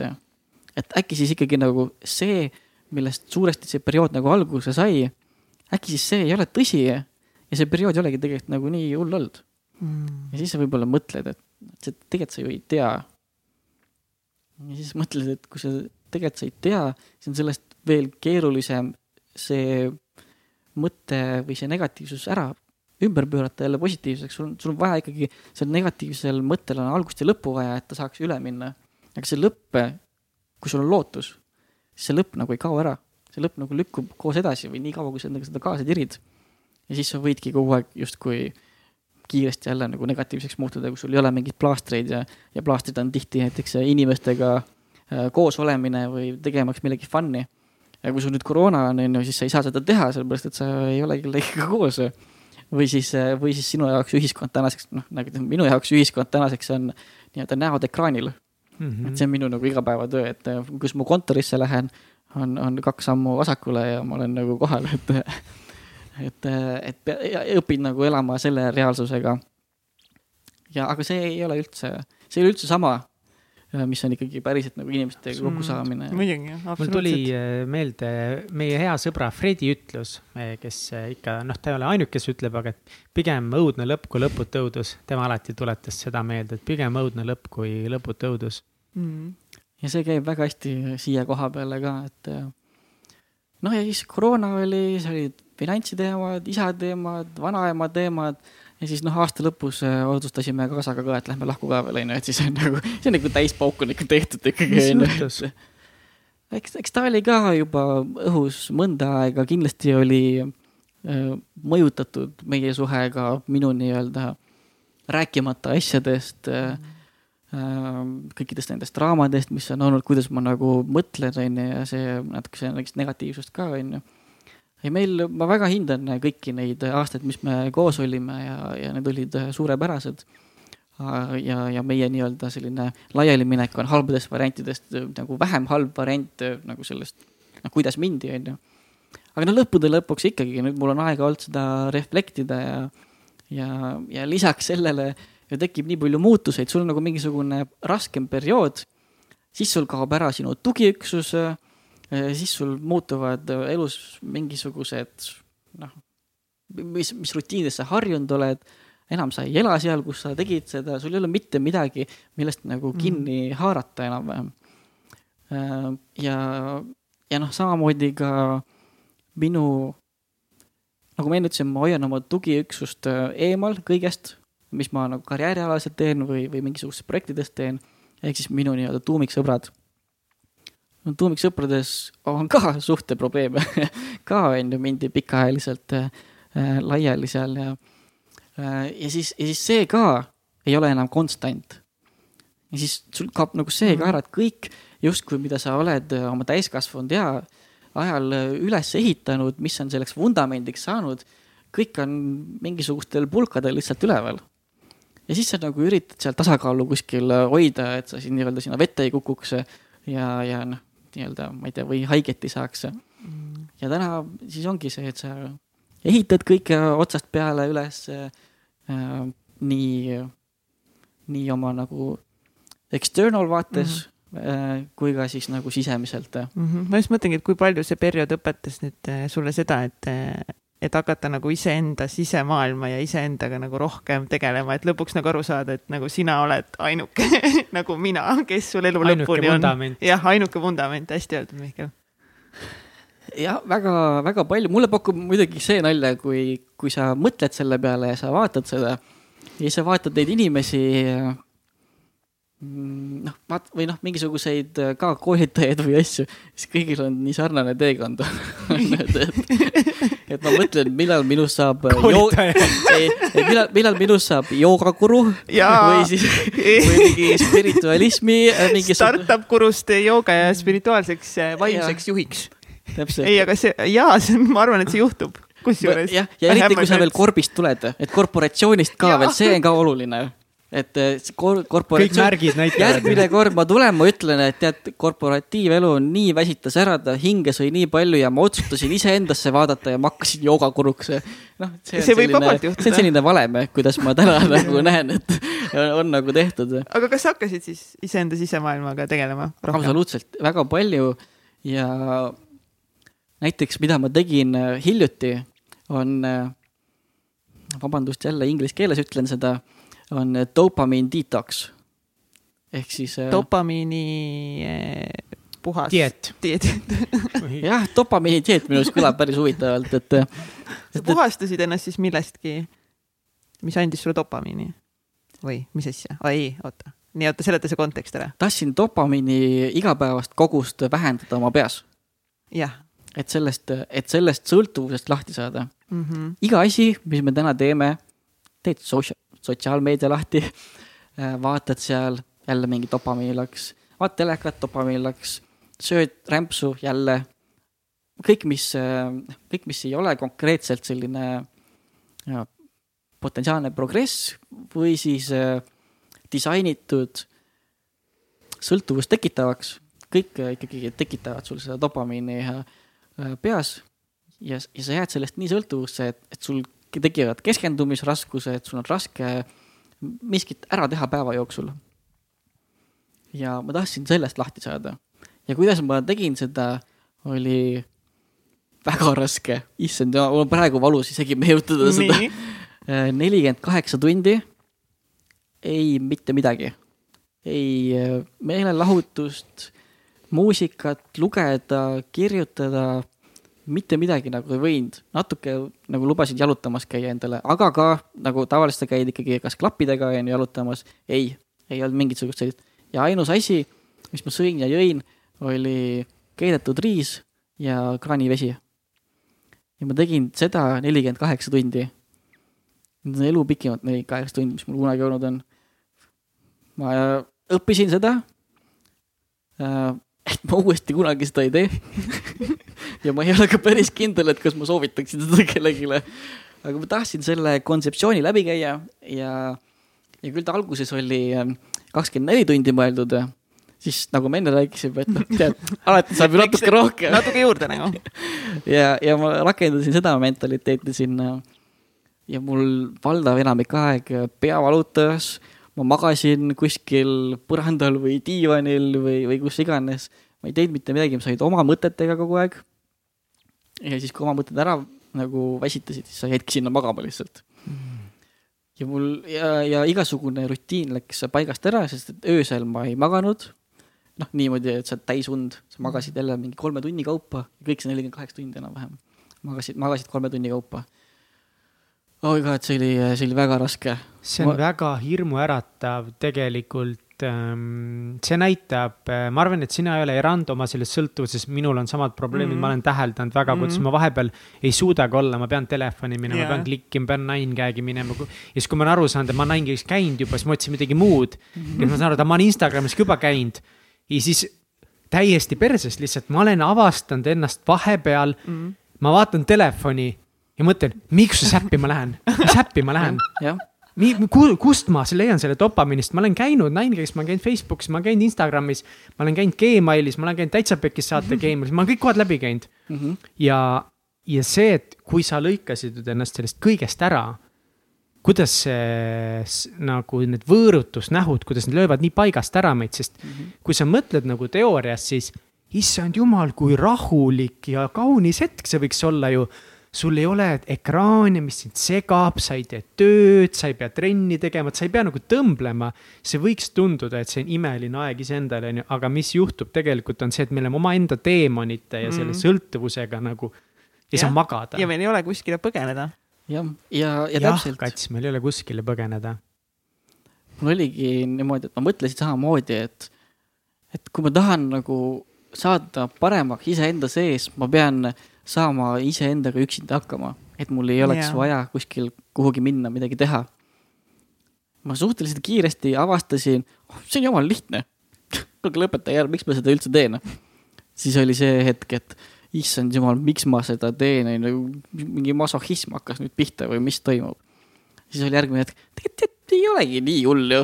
I got this nagu. I got this on ju, lihtsalt maga kogu aeg ja see töötab jumala hästi, magada ju sulle ometi meeldib, on ju, see läheb sul selle peamise skill'i alla. siis ärkad jälle ülesse, siis öösel, ma mäletan, kell oli neli öösel ärkasin ülesse, silmad punnis peas, mõtlesin, et okei, pime on ka, mida ma teen siin, nagu miks ma teen ja see oli esimene päev. see, see oli nagu mingi, ma ei tea, mingi kaksteist tundi in või midagi, no rohkem oli natukene. Ja siis mõtlesin, sul ei ole poolgi veel läbi. mis ma nüüd, kuidas ma nüüd siis teen, siis ma proovisin kõiki asju. jällegi ma üritasin põgeneda, ma proovisin, mida mul oli meeles mediteerimisest. noh, kõiki stiile enam-vähem, nii, nii sellist pea peal seismist mediteerimist on ju, kui, kui rätsepa istes on ju, mõtlesid mingeid küsimusi enda peas välja, üritasid endaga sina peale saada. ja siis mõtlesin, et jaa, ei, ma olen tegelikult endaga päris rahul, ma ikka päris tubli tegelikult. siis läks mingi kolm minutit mööda, siis mõtlesin, et jälle, jumal küll, sa ei saa millegagi hakkama. ma ei, ma ei kujuta ette, kui kiiresti mm. need Mhm. tujud muutusid seal. lõpuks äh, jah, siis hakkasid juba füüsilised sümptomid ekstra lööma, et pea täiega tegelikult valutad, sa ei tahtnud vett juua ja sul ei olnud mitte mingit huvi seda keedetud riisi süüa ega midagi sellist, sellepärast sa oled harjunud ikkagi äh, noh, häid asju sööma, ütleme niimoodi. ja, ja, ja ka kofeiini nii-öelda võõrutusnähud olid ilmselt seal sees ja ja, ja, kõik need nagu koondusid ühte hetke kokku ja nii raske oli ennast tagasi hoida, et mitte seda teha. või noh, mitte nagu kuttida. aga ma siis mõtlesin, et, et kui ma ei saa sellegagi hakkama, kui sa ei saa, kui sa ei saa mitte midagi tegemisega hakkama, kuidas sa saad millegi tegemisega hakkama? Vau. ja, ja siis ma push isin seda lõpuni. Ja täna ma jah, sain selle tehtud. ma ikkagi ütlen, et äh, tehke seda meditsiinilise supervisor'i all, kui keegi soovib teha. sellepärast see saab raske olema. aga mida see õpetas sulle või, või kui ei õpetanud, mida sa avastasid või mi- mis sinu seisukoht nüüd on sellele, et sa nüüd niimoodi tunned kõigest sellest? kuna ma tunnen, et see oli minu jaoks väga raske, siis äh, minu suurim õppetund on see, tead, tegelikult sa ei ole ikkagi väga vuss ka äh,. just sellest vaates, et sa tegid selle lõpuni, teades juba, kui valus see on peale mingi kaheksandat tundi või midagi sellist. sa said aru, et kõik need võõrutused tulid seal ja siis sul oli, no ütleme, et seal kolmkümmend viis tundi veel on ju. ja, ja see, ja see pingutus, see endaga võitlemine, konstantne võitlemine iseendaga, see on see, mis ma sealt äh, kaasa võtan. see kogemus, see, see oli väga valus väga rõve oli olla. Mul oli üks hetk selline, kus ma olin diivani peal, lamasin selili ja mõtlesin, et mul on nagu nii igav. et mis siis, kui ma praegu keeran ennast siit diivani pealt maha niimoodi, et ma käsi ette ei pane. jumala head mõtted too ja mis siis, kui nii, mis see siis, ei kui kõla nii nagu nii raskelt. ma olin, ma olin nii valmis minu. jaoks kõlab see täiega Ei no- ei no raskelt, see kõlab nagu- jaa, see ja kõlab pluss nagu sööd ainult raskelt, riisi ka veel see nagu. see ei kõla nagu, see ei kõla nagu nii raskelt. see kõlab nagu raskelt. see kõlab nagu see mini Vipassana laager, kus need on nagu mingi seitse-kümme päeva, vaata nagu lihtsalt medit-, meditatsioonis terve aja, kümme tundi päevas nagu ja neid ka ma mitte midagi. no täiega. aga kurat, peaks alustama kahest päevast äkki jah, või, või kahekümne neljast tunnist äkki alguses võid, või noh, kõigepealt proovi kaheksaki saada. proovi üks Alustame- päev olla kasvõi niimoodi, et sul üldse ei ole mingit elektroonikat, mingeid sa muid segajaid. sa ei räägi mitte kellegiga nelikümmend kaheksa tundi. kui mina töötan näiteks äh, müügivaldkonnas, nii ettevõtluses kui ka korporatsioonis, minu töö on rääkida iga päev, kogu aeg kellegiga. ja siis, kui sa pead nelikümmend kaheksa tundi vaikuses olema, nagu sa ei, sa ei lubanudki endale nagu rääkida, sa ei võinud ka nagu iseendaga rääkida kõva häälega. miks? ma ei tea, miks, ma lihtsalt ütlesin, et ei või. aa, sa tegid siukse reegli? ma tegin siukse reegli jah, et ole vait, onju. sest see on omaette Mm. selline challenge. ühesõnaga, sa võtsid nagu väga palju veel mingeid väikseid challenge'eid. et isegi, isegi kassi ei keelanud äh, häälega. tavaliselt, tavaliselt käib ikkagi see, et ei kuubik, ära tee kuubik, kuubik, miks sa teed seda, palun lõpeta ära, onju. see on nagu minu igapäevane vestlus ka. kuubikul oli pidu lihtsalt sellel ajal. kuubikul oli pidu ja, tema rääkis nagu ekstra palju selle minu arust, et Vau, okei, aga mis sa veel siis, okei okay,, sa tegid selle nelikümmend kaheksa tundi päris sihukest ekstreemset kogemust läbi, aga mis praktikaid sa veel nagu oled kasutusele võtnud, et nagu rohkem olla kontaktis iseendaga? ähm, peegeldamine iseenda selle iga kord, iga nädal äh, reedel kella neljast kella viieni on kalendrisse pandud, kirjutatud üles äh, kõik nii-öelda mõtted, mis äh, antud hetkel pähe tulevad, mis valdavalt käivad siis antud nädala kohta. ja, ja siis sa mõtled läbi, kui olulised need mõtted sulle on, mis nad nagu tegid sinuga ja, ja mis sa neist nagu õpid või mis sa nagu kaasa võtad. et see on üks asi, mis ma olen tegema hakanud. kuna see on võrdlemisi värske, siis ma ei oskaks veel mingeid tulemusi selle kohta öelda. minu arust on päris annoying praegu. aga, aga ma võtsin ka seda kui mingisuguse kasvava challenge'ina. ja, ja kuna paljud on öeldud, et see töötab hästi, siis mm. -hmm. no siis vaatame varsti jälle, et eh, mis ma sellest siis nii-öelda õpin. ta on, ta on hea restardi hetk ütleme niimoodi, ta on, ta on selline, ma panin täpselt sellise koha peale, kus töönädal lõpeb ja nädalavahetus algab. kuigi ma ei mõtle konkreetselt niimoodi, et on esmaspäev või noh, on Mhm, argipäevad jaa, ja nädalavahetus. aga noh, siiski ühiskonnas suuresti selline on. ja siis ma panin ka sinna reede õhtusse lõppu ja, ja siis ma seda teen. Nüüd ma mingi päev lugesin oma veebruari alguse reflektsiooni. ja noh, see andis natukene võib-olla sellepärast, et äh, seal oli kirjas, et, et ma tahan märtsi lõpuks sõuda, sõuda ergomeetri peal maratoni. ja siis ma tegin selle maratoni ära, olin juba oota, maraton, nelikümmend kaks kilti või, või mis see maraton nojah, seal sõudmisel on ilmselt mingi teistsugune, aga ma tegin jah, nagu jooksmismaratoni nagu nelikümmend kaks kilti. Jesus Christ. kaua aega võttis? ta võttis niimoodi, et viis kiltsi läheb umbes kahekümne kolme minutiga. ma tükeldasin seda niimoodi, siis ma tegin iga viie kilomeetri tagant, tegid siis nagu kätekõverdusi. Siis ta nagu, siis ta nagu nullis ära selle, juurde ikka midagi, vaata. jah. et siis võin, võin arvutada. päris kaua, ma Ikka ikkagi terve päeva tegin ikkagi seda väga lahe. jah, ja ma ei teinud aja peale niivõrd, kuivõrd seda ära teha lihtsalt. jah, muidugi. et ma ikka nagu võtsin vahepeal mingit snäkki seal ja stuff, jah, no niimoodi, et ei olnud, ei olnud eesmärke justkui, oli nagu eesmärk päeva jooksul nelikümmend kaks kil-, kilomeetrit sõuda. mina, ma ei tea, nüüd äh, see, see kätekõverdused, ma ei tea, kust need tulid, aga noh. ju siis tegelikult ma tean küll, kust nad tulid, ma lihtsalt ei jaksanud seal nagu istuda ega tõmmata enam, ma tahtsin siis nagu kätega justkui nagu lükata midagi. trenni, trenni teemad, et selline. jälle kord ma tunnen, et kurat, ma elan ikka liiga lebalt nagu, ma pean ikka ennast käsile võtma, asju raskemini tegema ja väljakutseid tegema. raskemini tegema, elu peab raske olema, Mihkel, eks ole. jah, kes kannatab, see kaua elab. ei, väljakutseid muidugi, ennast proovida mugavustsoonist mm -hmm. välja. mida sa enda kohta õppinud eh, oled nüüd selle viimaste võib-olla poole aasta kuude, kuude jooksul, et kui, kui suht suhe ka purunes ja sa oled nüüd veel rohkem nagu üksinda iseendaga, mis sa oled õppinud enda kohta?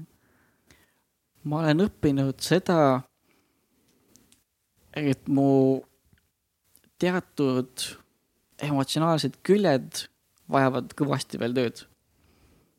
selles mõttes, et ma arvasin, et äh, kui äh, näiteks suhe, no kõik need asjad, mis koondusid, ja siis äh, su suhe nagu pani selle täpi peale sinna. ma arvasin, et ma võtan seda lebamalt ja, ja võrdlemisi võtsingi hiljem nüüd ma vaatan, et ikkagi see mõjutab, see kõik jälle kombona nii-öelda mõjutab päris palju ja, ja sellest ei ole ilma tegelemata, ei ole nii lihtne nagu välja tulla justkui sellest, et, et sa justkui peegeldad iga päev sellist sisemist positiivsust. ja, ja sa ei pea nagu vaeva nägema, et saada paremaks. sest et vahepeal mul on olnud sellised perioodid, kus miski justkui nagu langeb kätte, kuidagi tuli midagi lihtsalt, ma igatsen teid, palun tulge tagasi.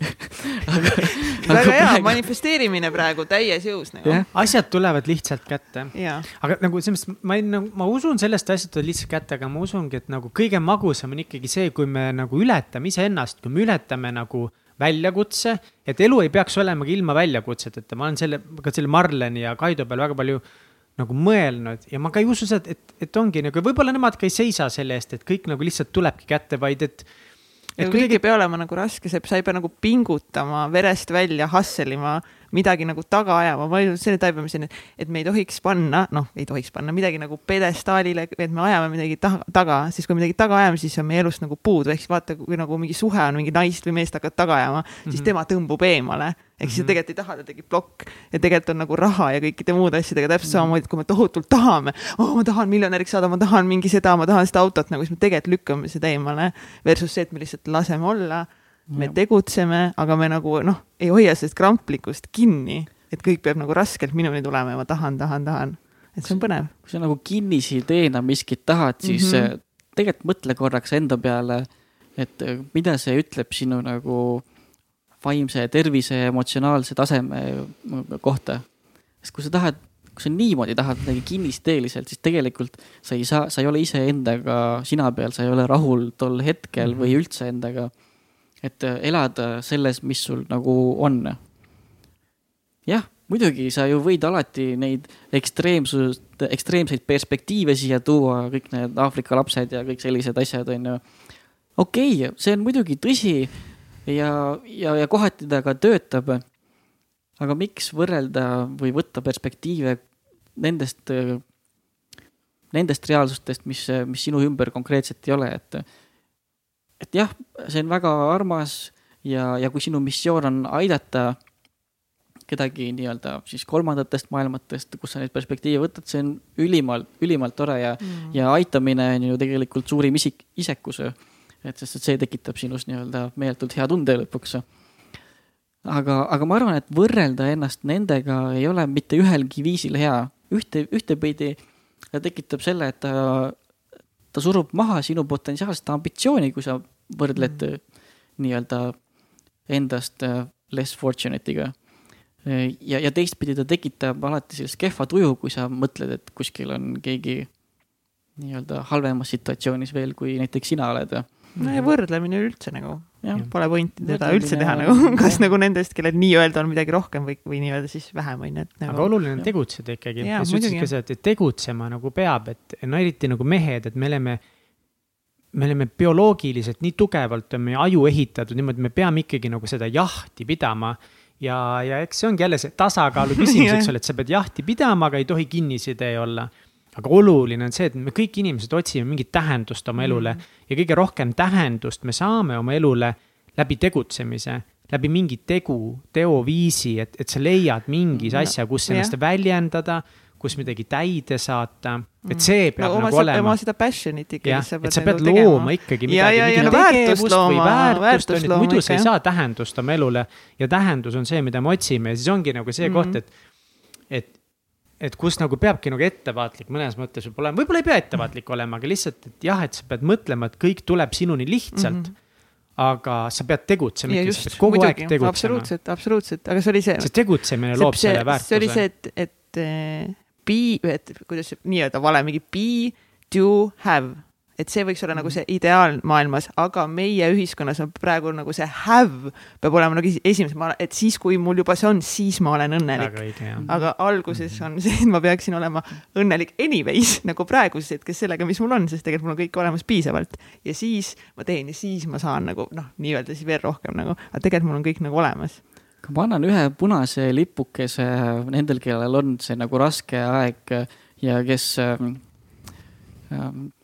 noh, kes on võib-olla sarnases situatsioonis või, või oma mõtetega sarnases madalseisus, et.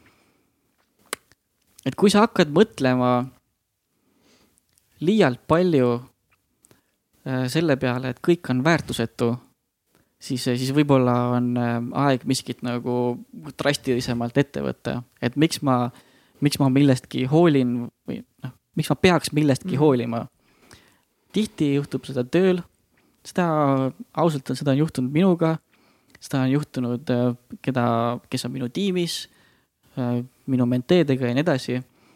et miks peaks mind huvitama ütleme, et mingi X ettevõtte aitamine, et tema jaoks mingi raha teenimine, miks peaks mind huvitama selle tegemine või üldse, et miks peaks mind midagi huvitama et, et see on see koht, ma arvan, see on see piir, kus, kus maksab kiiresti ja drastiliselt miskit nagu ette võtta.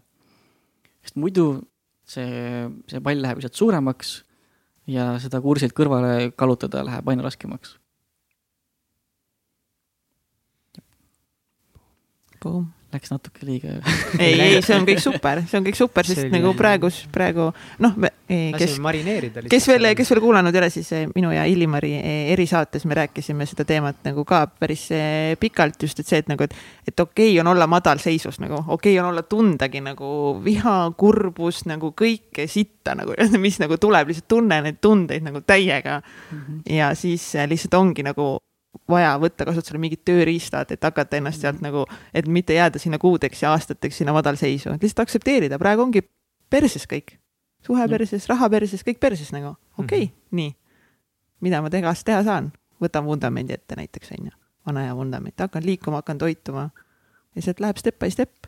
jah, on, kahju on siis, kui sa näed seda, et kui sa mõtledki, et kõik on nagu ja. perses ja siis mõeldakse, kui kõik on perses, no siis on kõik perses, siis ei olegi midagi teha, et siis ei ole kuskile, kuhu sa lähed siit, on ju, et üks kole must sügav auk on see, on ju, ja siit, siit see enam välja nagu ei tule.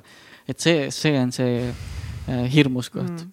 ja mis, mis tegelikult mm. mulle endal, ma mõtlen niimoodi ja siis äh, mul oli hirm luua enda jaoks Rebel Maiki sellesama asja pärast. et äkki ma loon Rebel Maigi, et põgeneda Mihkel Rembeli reaalsusest, Mihkel Rembeli sellest nii-öelda madalseisust ja siis nagu oled justkui rebel Mike kogu aeg ja ehk siis noh, performance ja natuke nagu. tegelikkuses on ta mm. ju nagu fake on ju, ta on mm., ta on mm. loodud rohkem selliseks enda huumoriks ja, ja niimoodi. et natuke selline, selline hirm nagu tekkis, aga ei, täna me oleme sõbrad temaga ja. aga kuidas sa tegid rahu selle mõttega? ma, ma ütlesin, või sellega läks võib-olla natukene aega. kui ma registreerisin ettevõtet endale ehk siis Rebel Mike OÜ-d, siis ma mõtlesin, et ma ei vajuta enne seda viimast nuppu. Äh, kui ma, kui ma lepin iseendaga selle reegli kokku, et ta ei ole sinu jaoks põgenemise koht. ta on äh, noh, lõppude lõpuks ettevõtte vaates ta on bränd mm., et välismaale ka nagu ennast äh, nagu pakkuda seal. sest et Mihkel Rembel proovis seal kellegi välismaal seal öelda, et ja, ja, ja noh ma ei, tegelikult mul ei olegi mingisugust konkreetset protsessi, mul, ma ei mõelnud seda niimoodi läbi, ma lihtsalt ütlesin, et tead, Mihkel, kui, kui Rebel Mike hakkab sulle olema mingisugune põgenemise koht yeah., mingisugune jah, et sa päris skitsofreenikuks lähed äh,, siis, siis me ei tee seda. siis, siis sa paned selle putka kohe kinni, ei ole mingit jamamist. ja tänaseks ma arvan, et äh, vähemalt, et ma ei, ei kasuta seda kui põgenemiskohana, vaid kasutan teda kui lihtsalt sellise, sellise fun'i hetkena ja, ja jah, ma manifesteerin endale nii-öelda tema justkui nagu Mhm. energiat Nice. et, et see on nagu küll see koht, et on ju kõigil, ükskõik, kas sa oled madal või kõrgseisus, neid hetki, kus sa oled, noh, vässu on peal, no Jaa, mis, mis sa teed, noh, vässu on lihtsalt, no ei, võib-olla ei viitsi teha ja, ja kui sa teed midagi head, siis selle heaga tihti kaasneb ka mingi jama, mis tavaliselt minu jaoks on bürokraatia või admin-töö. siis, siis ma nagu võtan selle tema energia ja, ja teen siis selle ära, mida nagu peab tegema. mida sa ei taha teha, aga sa nagu pead tegema. see on super trikk, mida kasutada, nii et tõesti leidke endale oma energiaallikad. ole see alter ego, bränd, sõber, mis iganes. no mis sa täna inimesi ju ei näe, on ju, täna ma kedagi näha ja katsuda ei taha, siis ma pean ma ei taha, ära ütle seda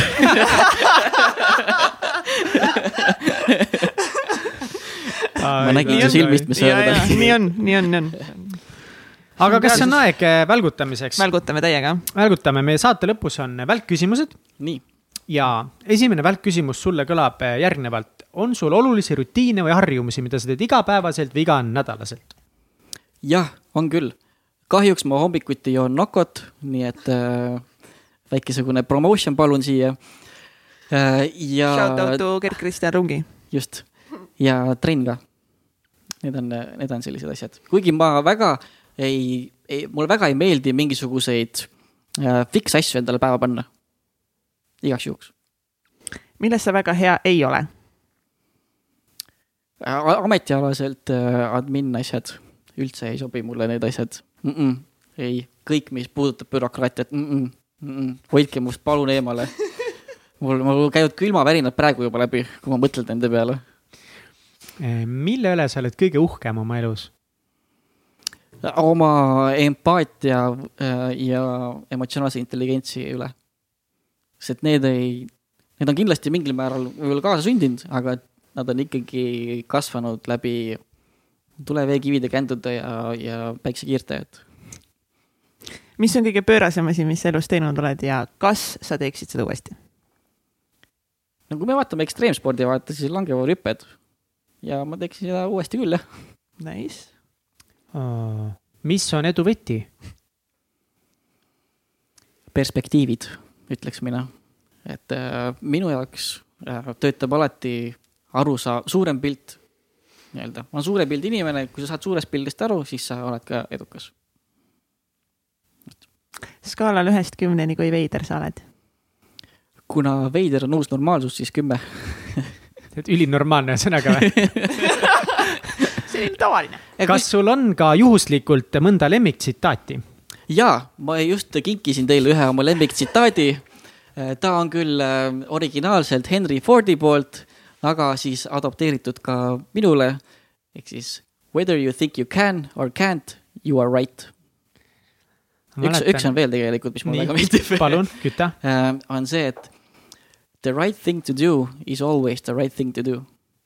selle kontekst tähendab seda, et sa tegelikult seest tead, kui sul on mingi dilemmade koht, mis on õige käitumine, jah, et siis sa ei pea dilemmatsema, kui sa tegelikult tead.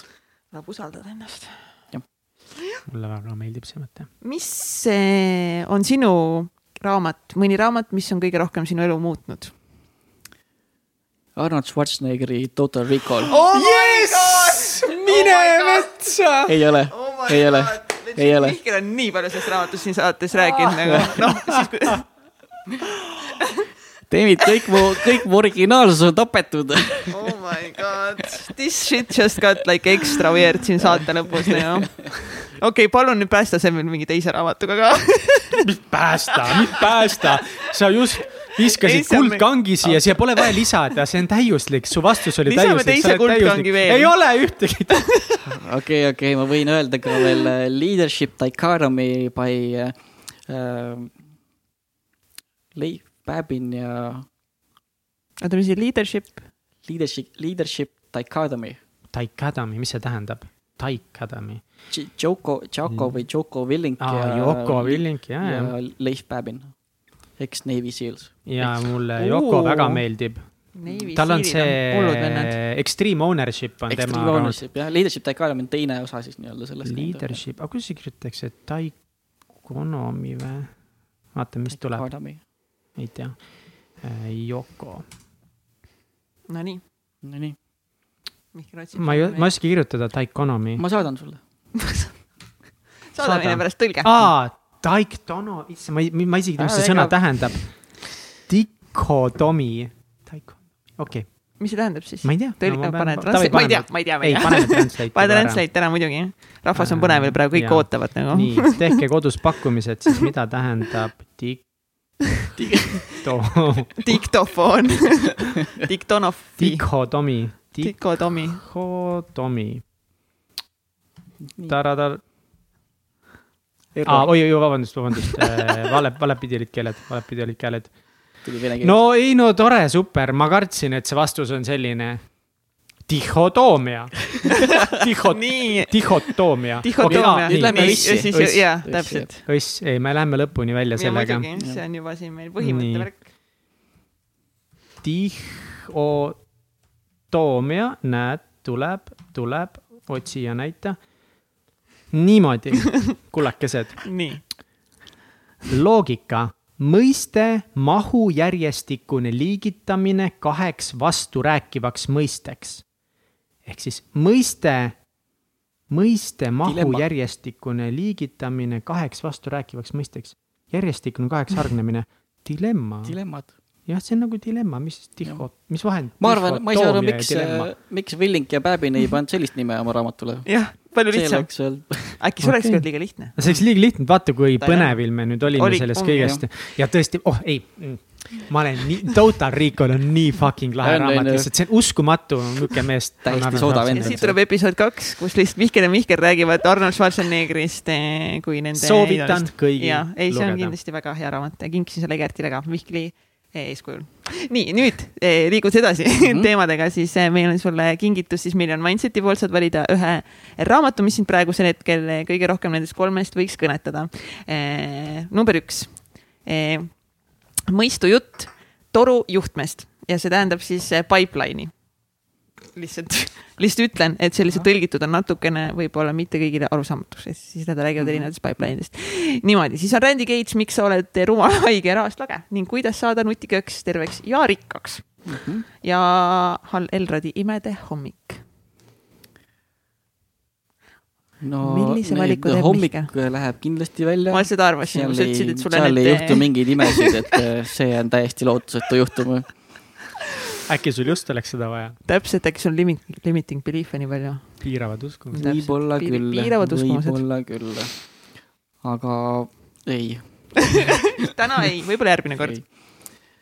Pipeline, see on ka selline mõiste, mis ka juba tekitab aeg-ajalt külmavärinaid, olenemata, et ma iga päev nendega tegelen ja isegi õpetan, kuidas oma pipeline'iga tegeleda. siis, siis ma tahaks saada nutikaks, terveks ja rikkaks, sest et see raamat ei ole viisakas ja diplomaatiline. mulle väga see sobib. sa õpetad, kuidas oma torujuhtmega tegeleda igapäevaselt. kuidas optimeerida oma turujuhet. kuulge, ma teen, ma võtan selle oma eestikeelse koolituse nagu kasutusele. absoluutselt nagu, sest nagu... kui sa just ei saa joogakoolitaja, siis sa hakkad müügikoolitajaks ja kuidas optimeerida torujuhet. torujuhtmete ekspert. Lamp küsimus sulle, kuidas välismaalased su nime ütlevad? Mikkel. ja, on ju, ja iga see Jah. mailis ka, kus sul on all suurelt Mihkel, nad kirjutavad Hi jaa, Mihkel ja. absoluutselt, absoluutselt jah. Ah. ma ütlen neile, kirjutage Mike, siis nad on nagu Mikkel. on üliveider, et see on välismaalastes mõistetamatu, kuidas H võib enne kõhhi olla. jaa, täiesti. kõik kirjutavad Mikkel. Aga no lugeda, kuna su nimi on,. kuna meie nimi on äh, inglitest, nii et siis vahet ei ole, las nad kirjutavad, kuidas nad ei noh, ma olen ka nagu alla andnud ja fine. Michelangelod oleme kõik. uus nimi lihtsalt sulle. aitäh sulle, kust meie kuulajad saavad sinu tegemistel silma peal hoida? ja aitäh teile ka, mul oli teiega väga mõnus, tore ja vahva siin. mind leiab, ma olen kõige aktiivsem sotsiaalmeedia vaates LinkedInis ja kui teil pakub huvi natukene arendada oma müügioskuseid või siis müügitiimi juhtimist äh, või te soovite näiteks mentorit, siit ka üleskutse tegelikult, ma väga tahaks ähm, olla abiks mõnele täitsa värskele, täitsa noorele koolist äh, ja teda mentordada siis, kui teda huvi pakub, kas karjääri vaates või müügiskilli vaates. seega võite, võite mind üles otsida LinkedInis, Mihkel Rembel leiab mind sealt ja, ja minu ettevõtte tegevuste alt leiab mind rebelmike.com aga kuhu nad sulle kirjutada saavad, kas sa peaksidki LinkedIni sulle kirjutama või kellelgi on soov või kuskile mujale kirjutama sulle?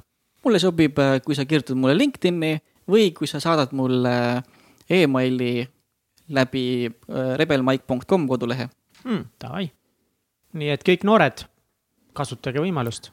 toores küte. toores küte aitäh, Mihkel, nagu nii põnev vestlus, nii nagu äge, lihtsalt nagu nii tore oli sinuga tuttavaks saada ja vestelda erinevatel eh, elulistel teemadel ja nagu aitäh, et sa jagasid eh, seda lugu oma isast ja suhetest ja kõigest sellest raskest ajast, sest eh, kui Triin helistas sinu kahele heale sõbrale, siis nad ütlesid, et kindlasti mitte neid teemasid puudutada Nendest nagu kindlasti mitte rääkida nii et aitäh, et, et sa avasid väga-väga palju häid mõtteid, aitäh. aitäh teile ka ja ma lubasin iseendale, et ma olen siin täiesti avatud ja räägin, räägin oma väljakutsetest. Mihklid rokivad. Mihklid rokivad Jaas. ulatate. saime tehtud. Tšau. tšau. aitäh, et kuulasid saadet Täitsa Pekkis saade tõid teieni Katrin Hindrikus-Karu ja Mihkel Vetemaa. tehniline juht Egert Karu. supernatas by Priin Tallo. ÜRO Supreme Manager Kelly Treu. ja NASA juhtivanalüütik Kaari Aupaju. kui see saade läks sulle korda ja inspireeris sind, siis toeta meid Patreonis, patreon.com, kaldkriips, täitsa pekkis tee ära. saadet toetavad United Dream Studios, Tint Disain, Million Mindset kirjastus ja Blender. järgmise korrani.